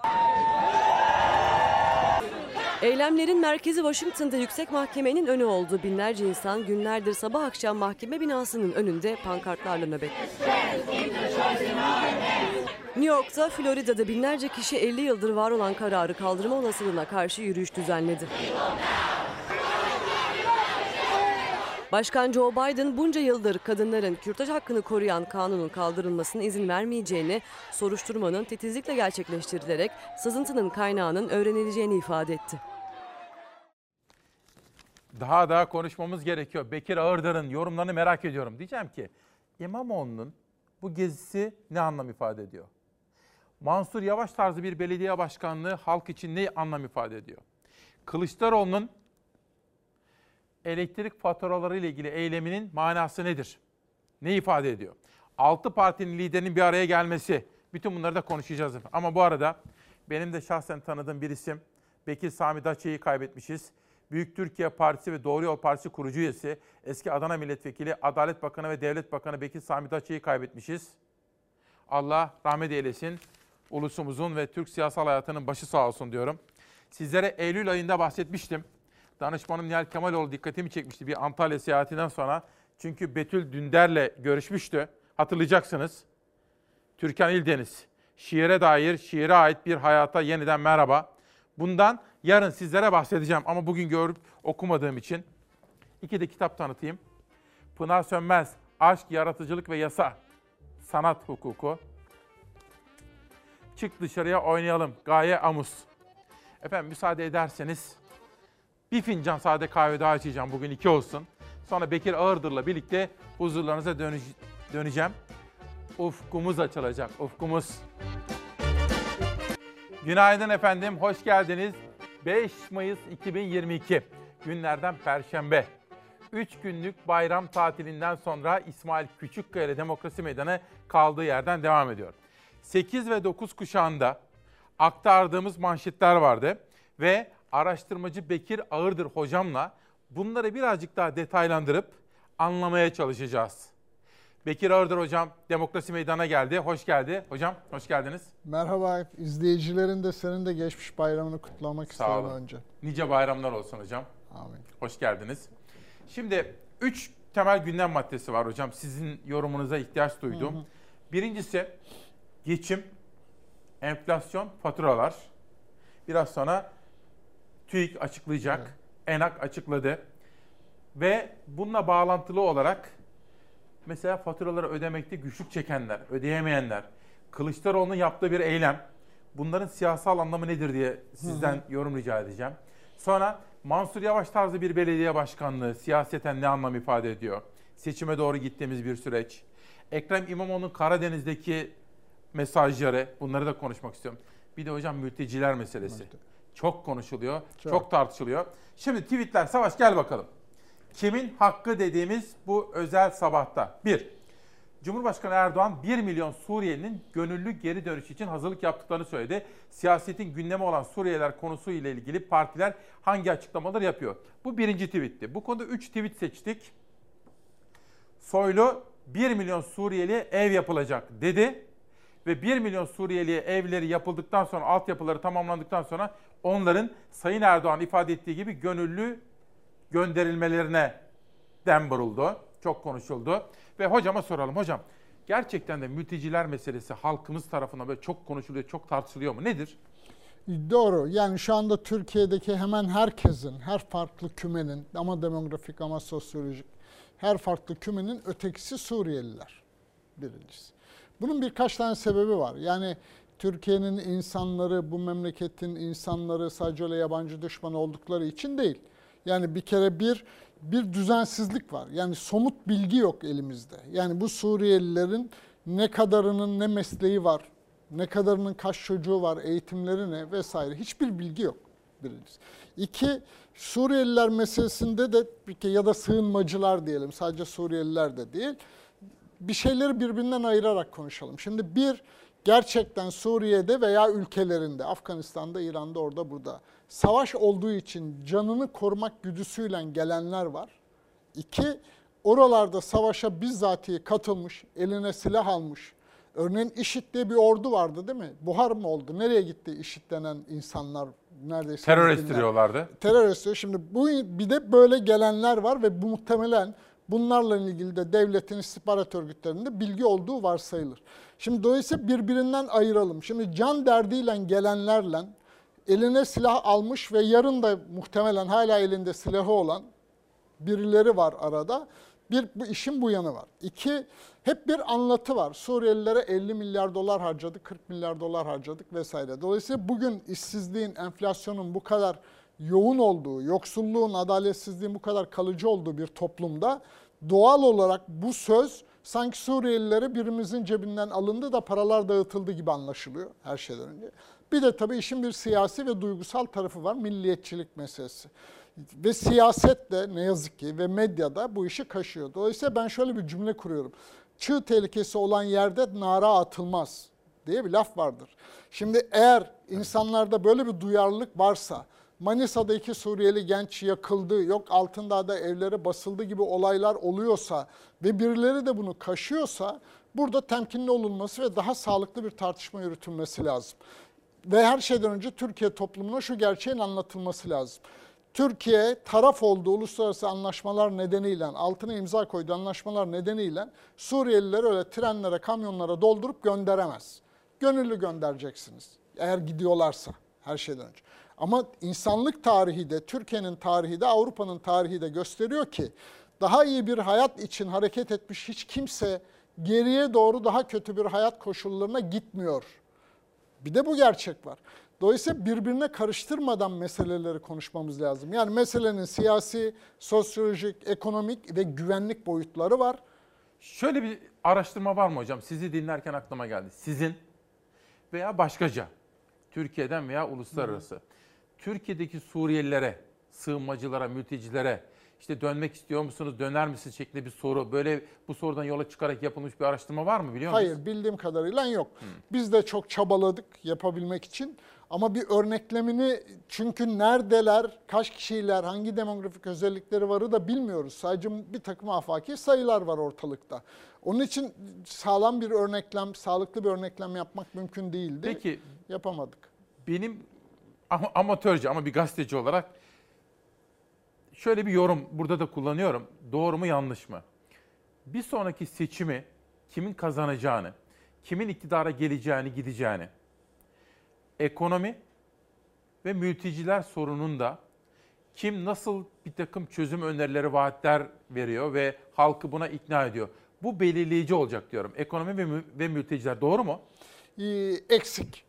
Tamamlayalım. Yani bir kere bir evet ekonomi tabii kaçınılmaz olarak. İki eğitim sistemi. Yani ülkenin eğitim sistemi çökmüş ve ülkenin gençlerinin veya insanların bile yüzde sekseni eğitim fırsatı yakalarsa yurt dışına gitmeyi arzuluyor. Şimdi, üç, hukuk sistemi, yargı. Yani işte Gezi Mahkemesi ve meşhur bütün mahkemelerde gördük. Dört, siyasal sistem, demokrasi. İster yani sade birey senin benim gibi cümlelerle kuramayabilir bunu. Ama ülkedeki sistemsizliğin, keyfiliğin, hukuksuzluğun, merkezileşmenin ne olduğunu herkes görüyor. Gözlüyor da. Dolayısıyla bence bu dört meselenin yanı sıra mülteciler meselesi evet gündem olacak görünüyor. Yani önümüzdeki seçimdeki eksenlerden birisi milliyetçilik tartışması olacak.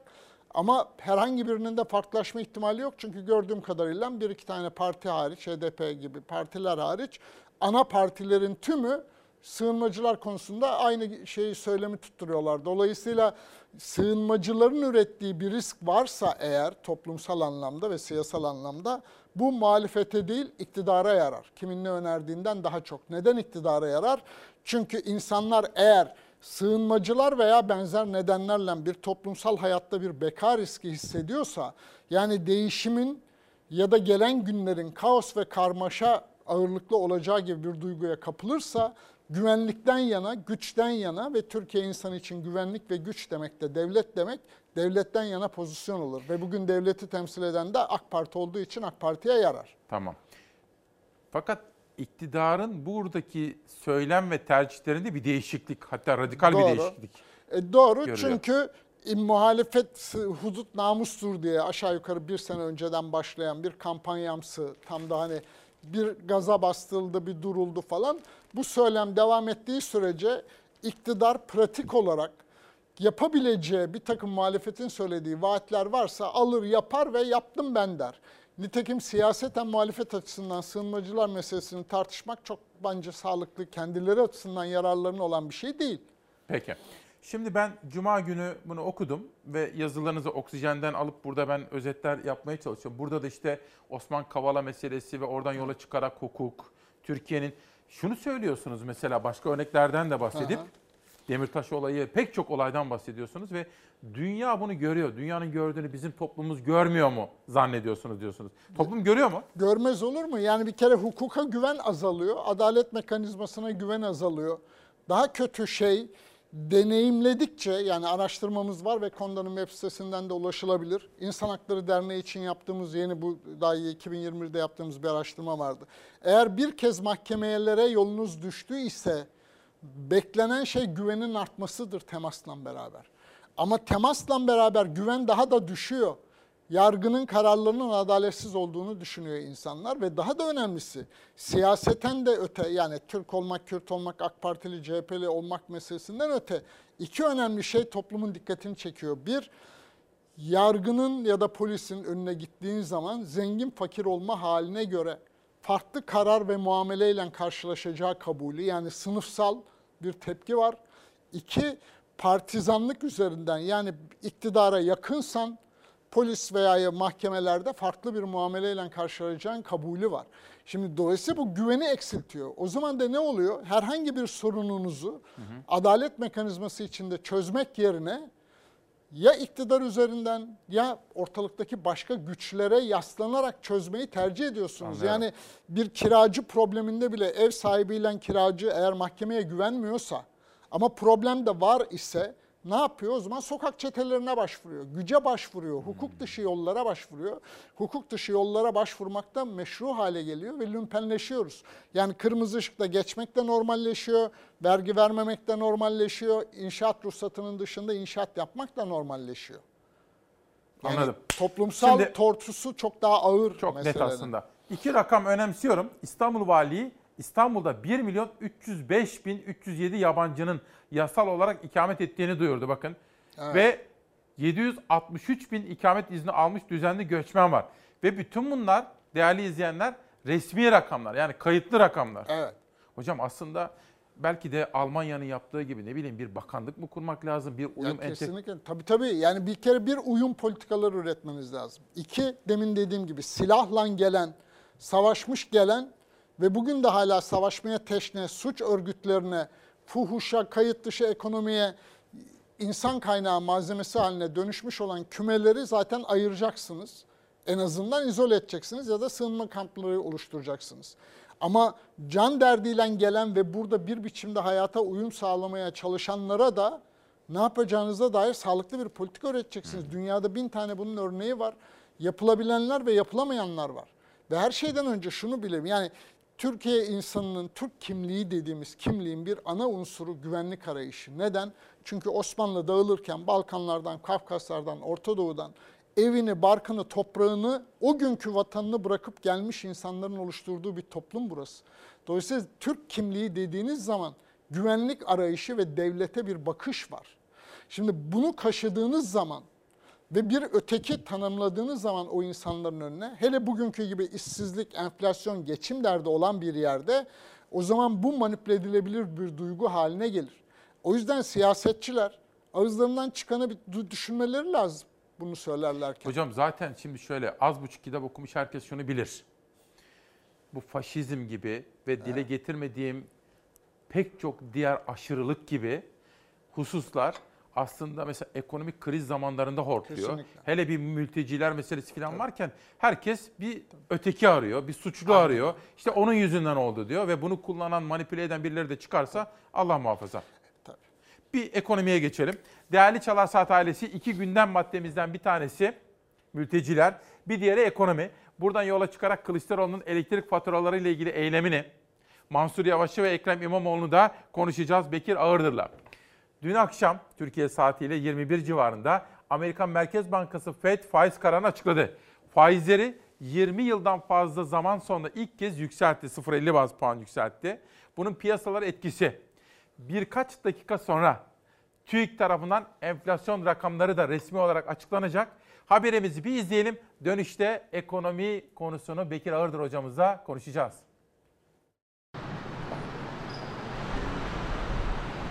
Amerikan Merkez Bankası tüm dünyanın merakla beklediği faiz kararını açıkladı. FED enflasyonu düşürmek için son 22 yılın en yüksek faiz artışı kararını aldı. Politika faizini 50 bas puan artırdı. Küresel piyasalarda doların seyrini etkileyecek karar için toplandı Amerikan Merkez Bankası. %8,5'la son 40 yılın en yüksek seviyesine çıkan enflasyonla mücadele için Fed'in faiz artışı kararı alması bekleniyordu. Beklenen de oldu. Enflasyonla mücadele kapsamında 2018 yılından bu yana ilk kez Mart ayında faiz artışı kararı almıştı FED. O artış 25 bas puandı. Dün toplantıda ise son 22 yılın en yüksek artışına karar verildi. 50 bas puan faiz artırılarak politika faizi %0.75 ile bir aralığına çıkarıldı. 2000'lerden bu yana en hızlı faiz artışı kararı alan FED sonrası piyasalar kararı fiyatladı. Powell'ın daha sert faiz artışlarına kapıyı kapatmasıyla Amerikan tahvilleri yükselişe geçti. Fed'in kararıyla dolarda küçük çaplı dalgalanmalar yaşandı. 14 lira 90 kuruş seviyesinde olan dolar kuru 14 lira 76 kuruş seviyesinden işlem görüyor. Petrol fiyatları ise hem Fed hem de Rusya-Ukrayna arasında süren savaş Rus petrolüne Avrupa Birliği ambargosuyla yükselişe geçti. Brent petrolün varil fiyatı yeniden 110 doları aştı. Vay be hocam resmisi. Son dakika. Evet TÜİK açıkladı. Yıllık bazda enflasyon %69.97. Vay be. Resmi rakamlara göre Türkiye'de yıllık enflasyon %69.97. Hocam yorum. Valla daha yani daha da artacağı beklenir. Şunun için yani bu, bu başka türden yoruma, spekülasyona gerek yok. Yine TÜİK'in verilerine göre hatırlarsan üretici fiyat endeksi ve tüketici fiyat endeksi ve söylenen bu yüzde yetmiş aslında tüketiciye yansıyan kısmı. Ama biliyoruz ki neredeyse 9 aydır üretici fiyat enflasyonları artışları çok daha yüksek. Dolayısıyla bunun perakendeye yansımaması beklenemezdi zaten. Daha muhtemelen de artmaya devam edecek. Ama bunun tabii ki toplumsal sonuçları büyük. Yani şimdi ben birkaç tane sayı paylaşayım lütfen, seninle. Lütfen. Bir, Türkiye'deki hanelerin yüzde 40'a yakın artık geliri giderinden eksik yaşıyor. Bu ne demek? Ya bir ürün eksiltiyor ya doğalgaz faturasını ödeyeme, az ödeyebilmek için radyatörün yarısını kapatıyor ya ampullerin yarısını kesiyor vesaire. Ama geliri giderinden eksik yaşayan insanlar yüzde 40'a ulaşmış durumda. Vay be İki, çok fazla hocam. Müthiş. İki yani bu Aile ve Sosyal Yardımlar Bakanlığı'nın verilerine bakalım. Bankalar Birliği'nin veya Bankalar Arası Kredi Kart Merkezi'nin verilerine bakalım. Kabaca hanelerin borç oranı gelirinin 22 katına ulaşmış ortalamada. Bu ne demek biliyor musun? Eğer bugünkü gelirinin %10'unu borç ödemeye ayırırsan 220 ayda ödeyebilirsin bu borcu demek. Bu mümkün değil. Mümkün. Yani bir kere. Dolayısıyla bir Türkiye'de her şeyden önce yoksulluk kalıcılaşıyor. Kuşaktan kuşağa da devredilir hale geliyor. Artık senin benim gibi öyle Anadolu'dan bir çocuğun gelip de başarılı olma ihtimali falan da kalmıyor her şeyden önce. Birincisi bu. İki, bir hani evet bir yandan bakarsan senin benim kuşaklarımda enflasyona alışkınız bir bakıma. Çünkü 90'larda da böyle yaşadık. Her ay %10'ları olduğu dönemlerde iş yönettim ben. Doğru. Ama bugünkü kuşaklar, bugün yeni orta sınıf dediğimiz insanlar, kentli çocuklar enflasyona alışkın değiller. Ve beklenen de bir şey değildi özü itibariyle en azından 2 sene 3 sene öncesine kadar. Dolayısıyla bir afallama ve psikolojik olarak gelecek kaygısının, geçim derdinin son derece yoğun olduğu bir zamanlama bu. O zaman da ne oluyor? Bunun tabii ki toplumsal sonuçları var. Bir, o yani şöyle bir hani her melanetten bir fayda çıkar e, diyebileceğimiz Türkiye'nin problemlerinden birisi neydi? Burada da çok konuştuk. Kültürel kimlikler arası kutuplaşma. Halbuki şimdi yoksulluk bu kadar yayıldıkça sınıfsal olan gerilim kültürel kimlikler arası gerilimin hararetini bastırıyor. Türk veya Kürt, AK Partili, CHP'li, seküler, muhafazakar olman fark etmiyor. Herkes aynı geçim derdiyle karşı karşıya ve bunun ürettiği bir fırsat alanı var. Yani Türkiye için eğer siyaset bunu yönetmeyi başarabilirse işin bir yanı bu. Ama her şeyden önce gelecek kaygısı bu kadar baskın oldukça ortak yaşama iradesi biraz önce sözünü ettiğim gibi hukuka ayak uydurmak, hukukun üstünlüğüne inanç, ortak kadere kabul gibi duygularımızda da eksilmeler oluyor her şeyden önce. Peki. O yüzden Türkiye toplumu afallamış ve paniklemiş durumda. Bunu söyleyebiliriz. Şimdi afallamış toplumlar ne ararlar? Kendilerini bu şaşkınlıktan kurtaracak, Güven. istikrara kavuşturacak güven. Güven. Şimdi Aytunç Erken'in bir tweet'i vardı onu bir rica edeceğim. Hocam ben sizin bu penceredeki yazılarınızı okuyorum. Hatta geçtiğimiz haftalarda Zafer Mutlu ile bir araya gelmiştim. Biraz bahsettim ona. Sizden bir istirhamım olacak. Lütfen bu yazıları kitap haline getiriniz. Aa, sağ olasın. Lütfen kalıcı olsun. Ben gerçi evimde biriktiriyorum. Eski- Eylül'e bir kitap hazırlığım var ama hani dünyadaki bütün bu değişimin siyasete yansıması ya da nasıl bir siyaset gibi bir şeydi ama bu önerini de düşünmemiz Çünkü ben lazım. böyle böyle biriktirmeyi seviyorum eski gazeteci olduğum için ama kitabınız bu şekilde olursa benim için çok faydalı olur. Şimdi mesela bakın Aytunç Erkin Sözcü'de 6 parti oluşturan masanın en büyük sorununu Babacan saptadı güven. Halkın güvenmesi, nasıl bir ekonomi programlarının olduğunu halka anlatmaları. Örneğin 24 Nisan'da tarım toprakları ile ilgili önemli bir gelişme. Bugün Cumhuriyet'te de Jale Özgen Türk, o da ekonomi basının tanınmış, sevilen bir ismidir. De- deneyimli bir isim. Hedef özgür ve zengin Türkiye. Çanakçı. Türkiye'yi orta gelir tuzağından kurtarmak için ilk iş güveni oluşturmak diyor. O da Babacan'ın kurmayı bir dönem, uzun bir dönem ekonomide üst düzey bürokratlık yapmış bir isim. Fakat Bekir Ağırdır'ın bütün bu yazılarda, araştırmalarda hep söylediği bir şey var. Yaşadığımız bu ekonomik sıkıntıların sebebi olarak yönetim sistemi, demokrasi ve hukuk. Özellikle bugünkü yazısında, daha doğrusu cuma günkü yazısında da hukuk konusu çok önemli bir yer işgal ediliyor. Osman Kavala, Gezi davası, hatta dün AK Partili bir isim de diyordu ki, ya niye bu kadar bu adamı önemsiyorlar ki diyor Dışişleri Bakanı Çavuşoğlu. Kavala haberini bir izleyelim. Kav- hazır değil mi? Aa, hazır değil. O kadar konuştuk, o kadar konuştuk. ama- Neyse siz Kavala ya bakın meselesini çok, çok yorumlayın. basit. Şimdi e, mesela şöyle bir haber düştü değil mi? E, Ekonomi Bakanımız Sayın Nebati bir yabancı yatırımcılarla konuşurken ne diyordu? İsteyin bizde başkanlık sistem var. Hangi yasal zemine ihtiyacınız varsa hemen yaparız. Yani bu meale gelen laflar. Şimdi yabancının yerine koyun kendinizi. Eğer bugün menfaatinize keyfi bir karar verilebilecekse yarın aleyhinize de keyfi bir karar ihtimali vardır. Öyle değil mi?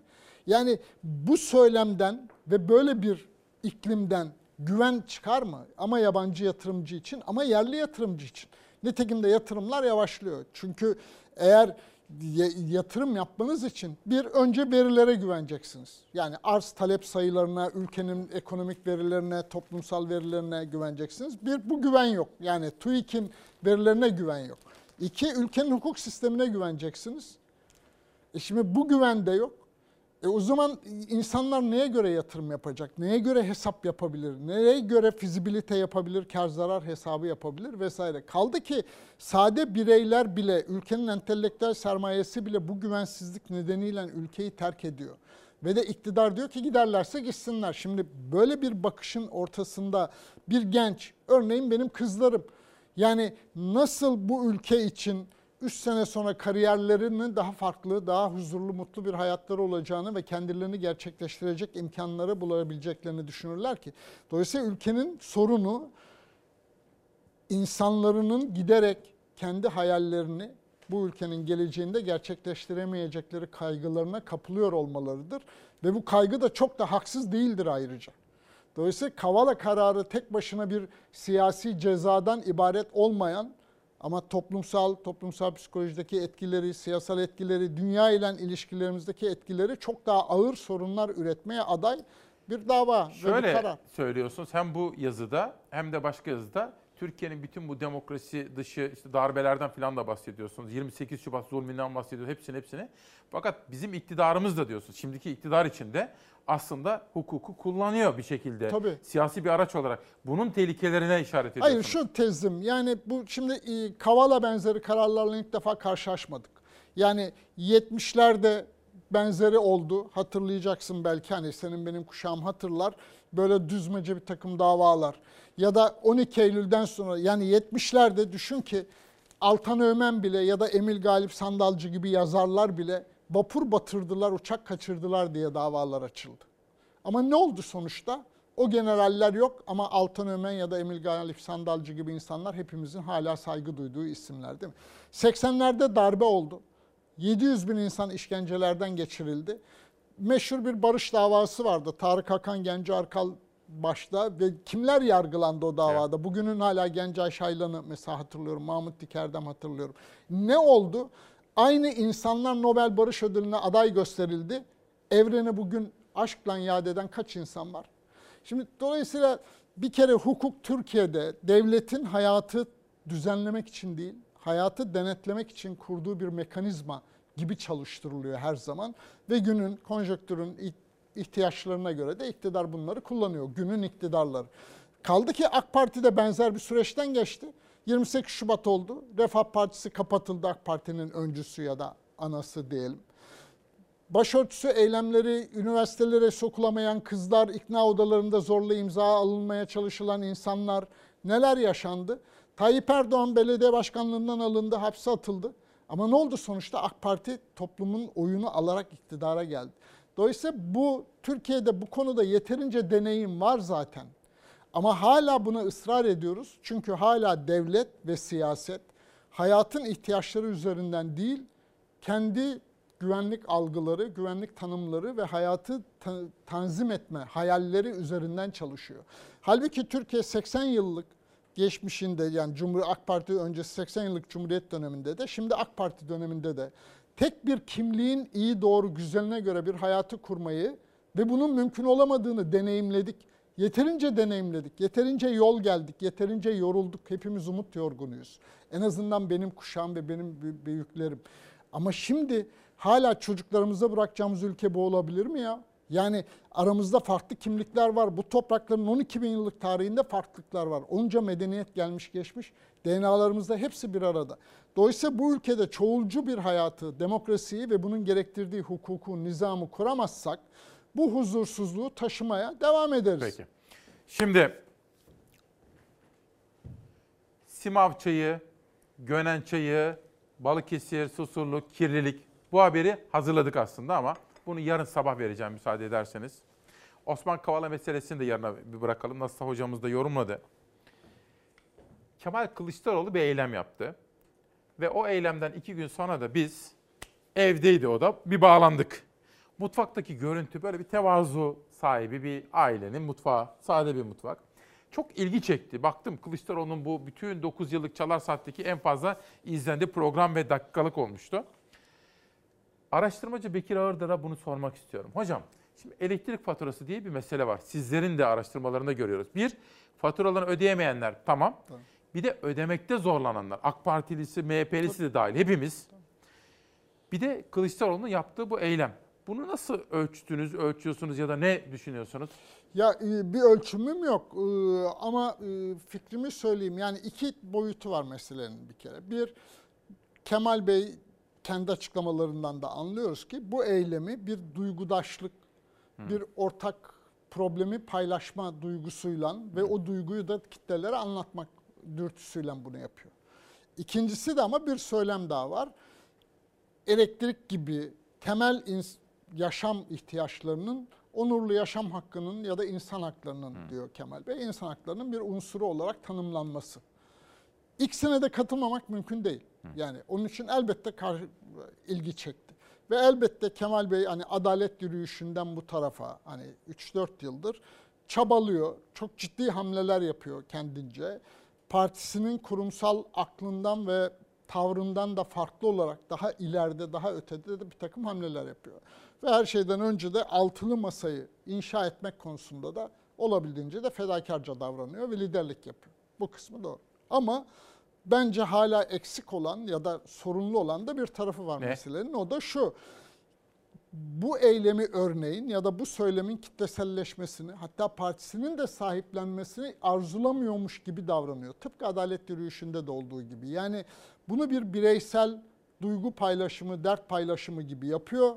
Ama örneğin bütün parti teşkilatlarının da buna katılmasını ya da partililerin de elektrik faturalarını ödemiyoruz demesini ya da bir kümenin, toplumsal bir kümenin de ödemiyoruz demesini de arzulamıyor. Yani onun için de ısrarla diyor ki bu bir sivil direniş. Niye sivil böyle yapıyor? Değil. Neden böyle yapıyor? Çünkü benim gördüğüm dışarıdan şöyle bir kabulü var Kemal Bey'in. İktidar seçime kadarki süreçte her türlü protestoyu, hareketi, kitlesel eylemi manipüle edebilir ve bu manipülasyondan çok daha büyük zararlı sonuçlar çıkabilir ve buna da hani öncü olmak ya da bunun öncülüğünü yapan lider olmak da istemiyor. Yani eylemlerin kitleselleşmesini istemiyor. Bu onun arzusu ve tavrı diye okuyorum ben. Ama bunun bir eksik tarafı olduğunu da düşünüyorum aynı zamanda. Yani çünkü bugün konuştuğumuz bunca problemin kitlesel tepkileri olmadan, siyasete yansımaları olmadan, siyaset marifetiyle yeni bir dönüşüm, değişim hamlesi üretilmeden de bu problemler çözülebilir şeyler değil. Ama bunu yapabilmeniz için de işte biraz önceki tweette de olduğu gibi hala CHP'nin de altılı masanın da toplumla bir güven meselesi var henüz. Yani nasıl söyleyeyim şimdi konuştuğumuz şey iktidarın değişmesi ise başkanlık seçimi için 50 artı bir oya ihtiyacınız var. Ama örneğin önerdiği altılı masanın önerdiği gibi parlamenter sisteme geçmekse minimum %58 oya ihtiyacınız var. Parlamentoda çoğunluk. Evet. Şimdi henüz bu görünmüyor ama. Dolayısıyla o karşılıklı güven yani oluşmuş değil. Çünkü henüz örneğin güçlendirilmiş parlamenter sistem denen ya da 28 Şubat'ta o ilan edilen kamuoyuna açıklanan metin ya da o ilkeler manzumesi toplumsallaştırılmış değil. Tıpkı işte elektrik faturası meselesinde olduğu gibi. Yani doğruyu söylemek veya o duyguyu paylaşmak yetmiyor. Aynı zamanda bütün bu ihtiyaç ve taleplerin ya da dertlerin toplumsallaştırılması ve siyasileştirilmesi lazım. Siyaseten örgütlenmesi lazım.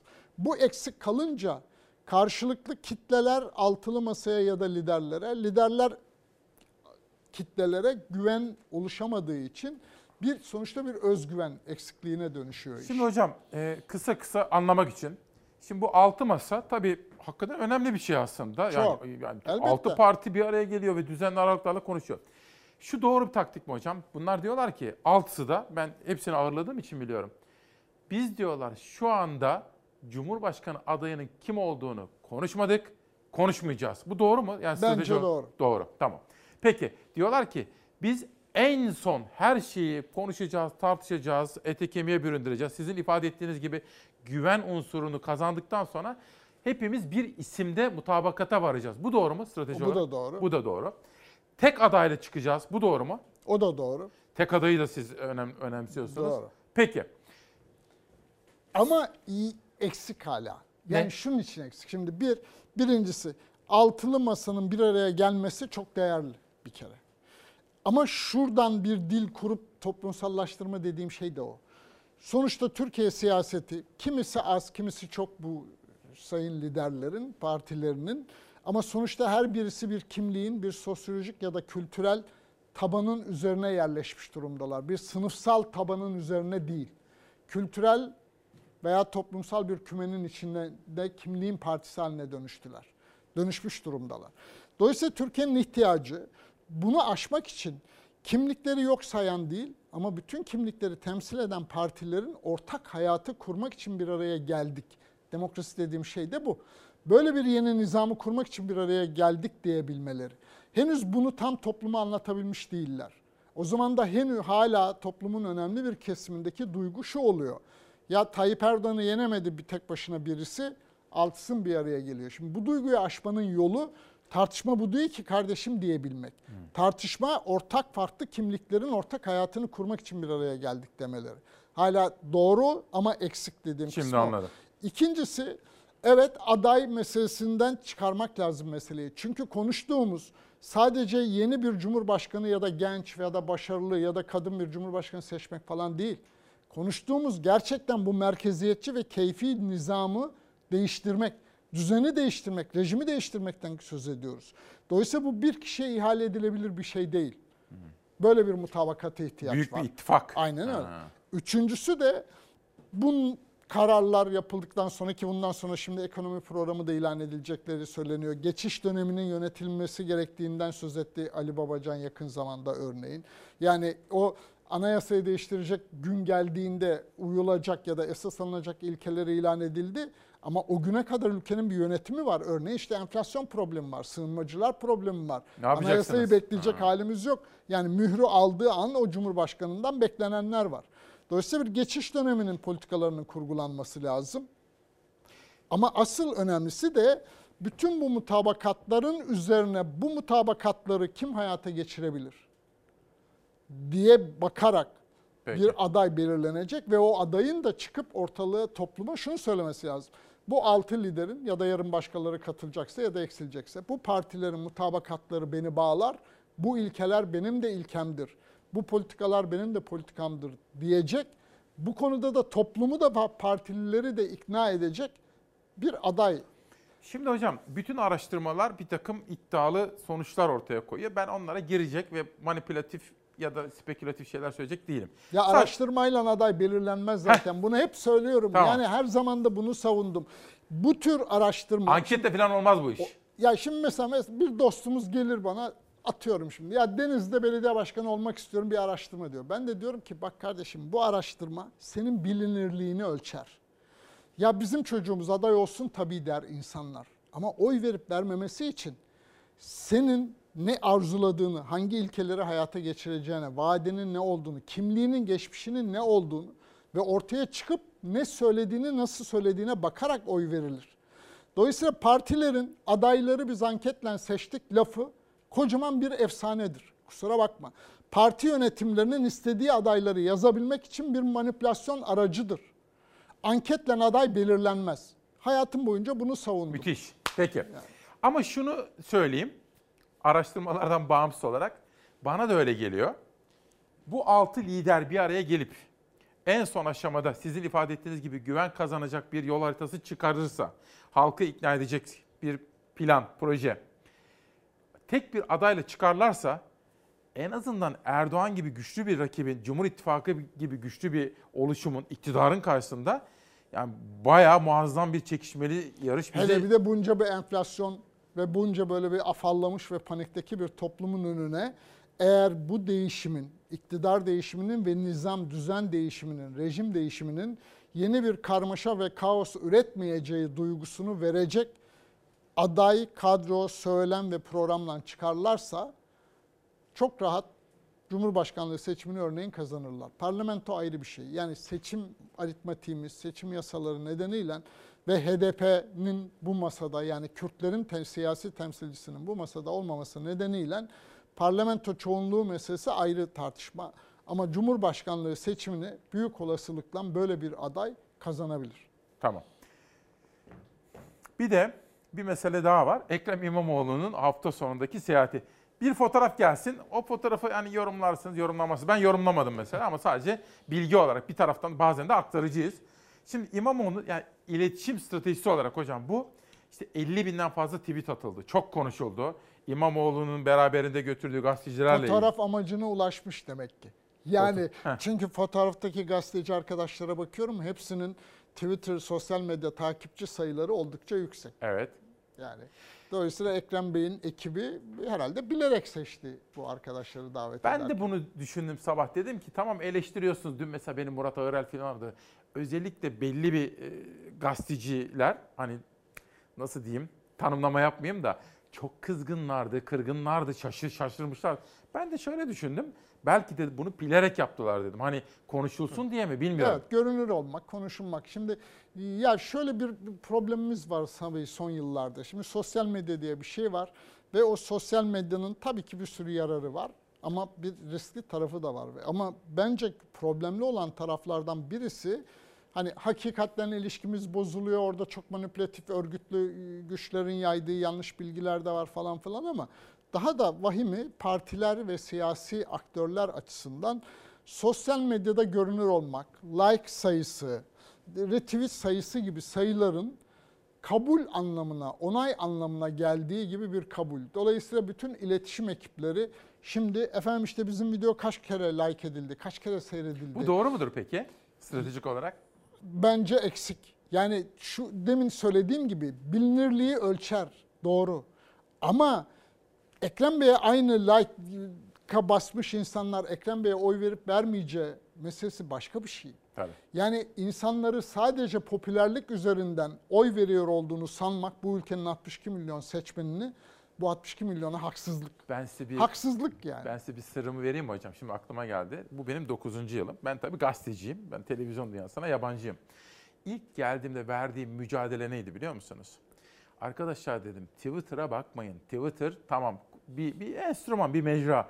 Ama Twitter'a bakarak yani 80 milyon, o zaman 80 milyon değildi ama ya bunu anlayamazsınız. O zaman çok büyük hatalar olur. Twitter sadece küçücük bir mecra diye. Hayır reçelin köpüğü diyorum ben. Yani köpüğün üzerinden reçelin tadına, çorbanın tadına bakıyorsanız doğru yanıltıcı oluyor. yok. Yanıltıcı oluyor.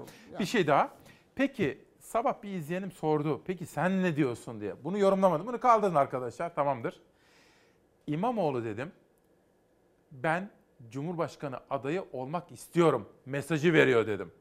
Doğru mu bu? Bence de arzuluyor. Yani ayrıca da sır da bir şey değil. Yani her şeyden önce hem Ekrem Bey için hem de Mansur Yavaş, Mansur Bey için şöyle bir avantajları var. O kadar uzun yıllardan sonra Ankara'ya ve İstanbul'da AK Parti'yi geriletmiş ve AK Parti'ye karşı seçimi kazanmış. İki insan, yani bir kere sırtlarında böyle bir artı bagaj var. Hele Ekrem Bey açısından birebir Tayyip Erdoğan'la çekişmiş. Yani Binali Yıldırım'la değil. Evet aday Binali Yıldırım'da ama İstanbul seçimi Evet. Binali Yıldırım'la Ekrem İmamoğlu arasında olmadı. Üstelik de Tayyip Bey'in veya da yargının bile isteye ne yaptığını da bile bile iptal ettiği bir seçimden sonra da ayrıca farkı 8 puana çıkarmış. Bir lider profili var karşımızda. Doğal olarak şimdi hem kamuoyunun onu iki isme de yüklediği bir misyon var. Hani çünkü kamuoyundaki o Tayyip Erdoğan'ı yenelim arayışı, kamuoyunun bir kesimindeki o yenelim arayışı ya da Tayyip Erdoğan ya da iktidar karşıtlığından beslenen kimeler için bir kazanım deneyimi var elde. Dolayısıyla böyle bir arzunun olması da çok da doğal. Ama tek başına bu arzu yeterli midir? Ayrı bir bahis. Biraz önce de konuştuğumuz gibi altılı masa belirleyecek. Ama ben Ekrem Bey'in statüsünden anladığım şey hem lideriyle kavga etmiyor. Çünkü yeri geldiğinde de yine bu gezide de söylediği ben altılı masanın neferiyim, partimin neferiyim dediği cümle. Ki samimi olduğunu da sanıyorum. Onun için Kemal Bey'le öyle itişerek aday olmak gibi bir statüsü Zaten yok. yarışmak ne haddime diyor genel başkanına diyor. Ama bir yandan da kamuoyundaki bu kendi ismi üzerindeki talebin yükselmesi ve o talebin üreteceği bir duygusal basıncın da altılı masa ya da Kemal Bey üzerinde çalışması için de gayret gösteriyor. Şimdi bu gayrette yanlış mı dersek eğer siyasi kariyer hayalleriniz varsa e, çok da yanlış değil. Peki Mansur Yavaş ne yapıyor? Mansur Bey'in de statüsü benzer ama o daha farklı bir iletişim statüsü üzerinden yürüyor. Ee, Ekrem Bey daha Türkiye konuşarak bu basıncı üretmeye çalışıyor. Mansur Bey işe Ankara ve hizmetler konuşarak altılı masaya da Kemal Bey üzerinde ya da partisi üzerinde bir basınç üretmeye çalışıyor ama her ikisi de şunu tevhalarca söylüyorlar. Orada da samimi olduklarını sanıyorum. Liderleriyle ya da partilerine rağmen aday olmak gibi bir gayret içinde olmayacaklar. Öyle de bir gayret görünmüyor zaten. Peki. Şimdi son bir soru sizin penceredeki yazınızdan gelecek ama önce Gülay Pertez, bizim sesçimiz Ozan Pertez'in annesinin bugün doğum günü. Onun ellerinden öpüyorum. Enver Yücel, Enver Yücel hocamın da bugün doğum günü. Hocama da sağlıklı bir ömür diliyorum. Şimdi hocam burada diyorsunuz ki kadınlar, gazeteciler, muhalif kimliğiyle bilinen isimler sıkıntı çekiyorlar Türkiye'de. Aynen. Ekonomik meseleler, mülteci meseleleri filan. Ama en sonunda şöyle diyorsunuz. İzin verirseniz okuyacağım. Toplumun şikayeti çok açık biçimde hemen her araştırmada görülüyor. Doğal olarak da çözümü siyasi aktörlerden ve devletten bekliyor. Toplumun meselelere müdahale edebilmek için sahip olduğu elindeki tek güç ve imkan seçimlerdeki oyu. Ve onu da her zaman günün koşulları ve önündeki seçenekler arasında kullanabiliyor. Seçim gününe kadar da mümkün olduğunca sessizce kenarda bekliyor. Halk izliyor böyle. Sessizliğe bakarak bu toplumun balık hafızalı olduğunu sanmanın da ne kadar yanıltıcı olduğunu siyasi tarih gösteriyor. Bir kere yani bu bizim okumuş yazmışlarda böyle efsaneler çok. Bu toplum balık hafızalı da, bu toplumda işte tevekkül duygusu var, hiçbir şeye itiraz etmiyor da falan. Bir kere bir toplum balık hafızalı falan değil. Her şeyi biliyor. 6-7 Eylül'ü biliyor, Madımakı'da biliyor. Kim unutur ki böyle yaşananları? Sadece hatırladığı ve yüzleştiği problemin nasıl çözeceğine dair elinde mekanizmalar yok. Onun için unutmuş gibi yapıyor. Yoksa unuttuğu da değil. İkincisi bu topraklarda örgüt kelimesinin bu kadar negatif tanı taşıdığı başka bir dil biliyor musun sen? Yani İngiltere, İngilizce'de, Fransızca'da, Almanca'da, Urduca'da örgüt deyince ne anlaşılır? Bizde örgütlenince ne anlaşılır? Bu topraklarda bin yıldır bütün hak mücadeleleri kıyılmış. O yüzden de bu topraklarda anne babalar işe giren evladına sendikaya yazıl evladım demez. Neden? Çünkü işten atılır korkusundan dolayı demez. Hatta Ama siyasete karışma, bulaşma oğlum derler. Ama bu problemi görmedikleri anlamına gelmez. O yüzden de Türkiye'de seçimlere katılma oranları her zaman %80-85 aralığındadır. Ve seçimlere katıldıkları zaman da o günün koşullarında ve önlerindeki seçenekler içinden her zaman rasyonel bir karar vermiştir toplum. Peki. O yüzden her şeyi düşünürken bu ülkenin insanlarına kendilerine dair kararları verebilecek olgunlukta olduklarını güvenerek ve bunu bilerek davranmak lazım. Halkın sağduyusu.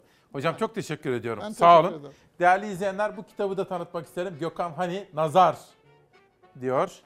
Ve Ömür Akkor'dan Balıkesir Gastronomi Atlası kitabı gelmiş. Teşekkür ediyorum. Müsaade ederseniz hocamı uğurlayacağım ve günü kapatmak üzere huzurlarınıza döneceğim. Bu arada yarın için sürprizlerimiz var. Kimin hakkı dedik? 3 günlük bayram tatilinden sonra haber yolculuğumuza. Bu arada bayramda da İlker Karagöz'e ve onunla birlikte çalışan emekçi kardeşlerime teşekkür etmeyi bir borç bilirim efendim.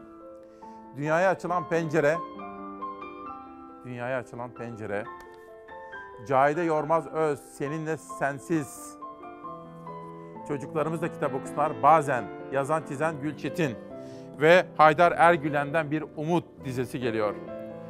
Bir çocuğun düşüğüm ben. Mızıkamın sesi yeryüzüne değer. Uyurum uyanırım hep aynı şarkı. Ne sesim eksilir, ne sesim eksilir, ne umut biter.''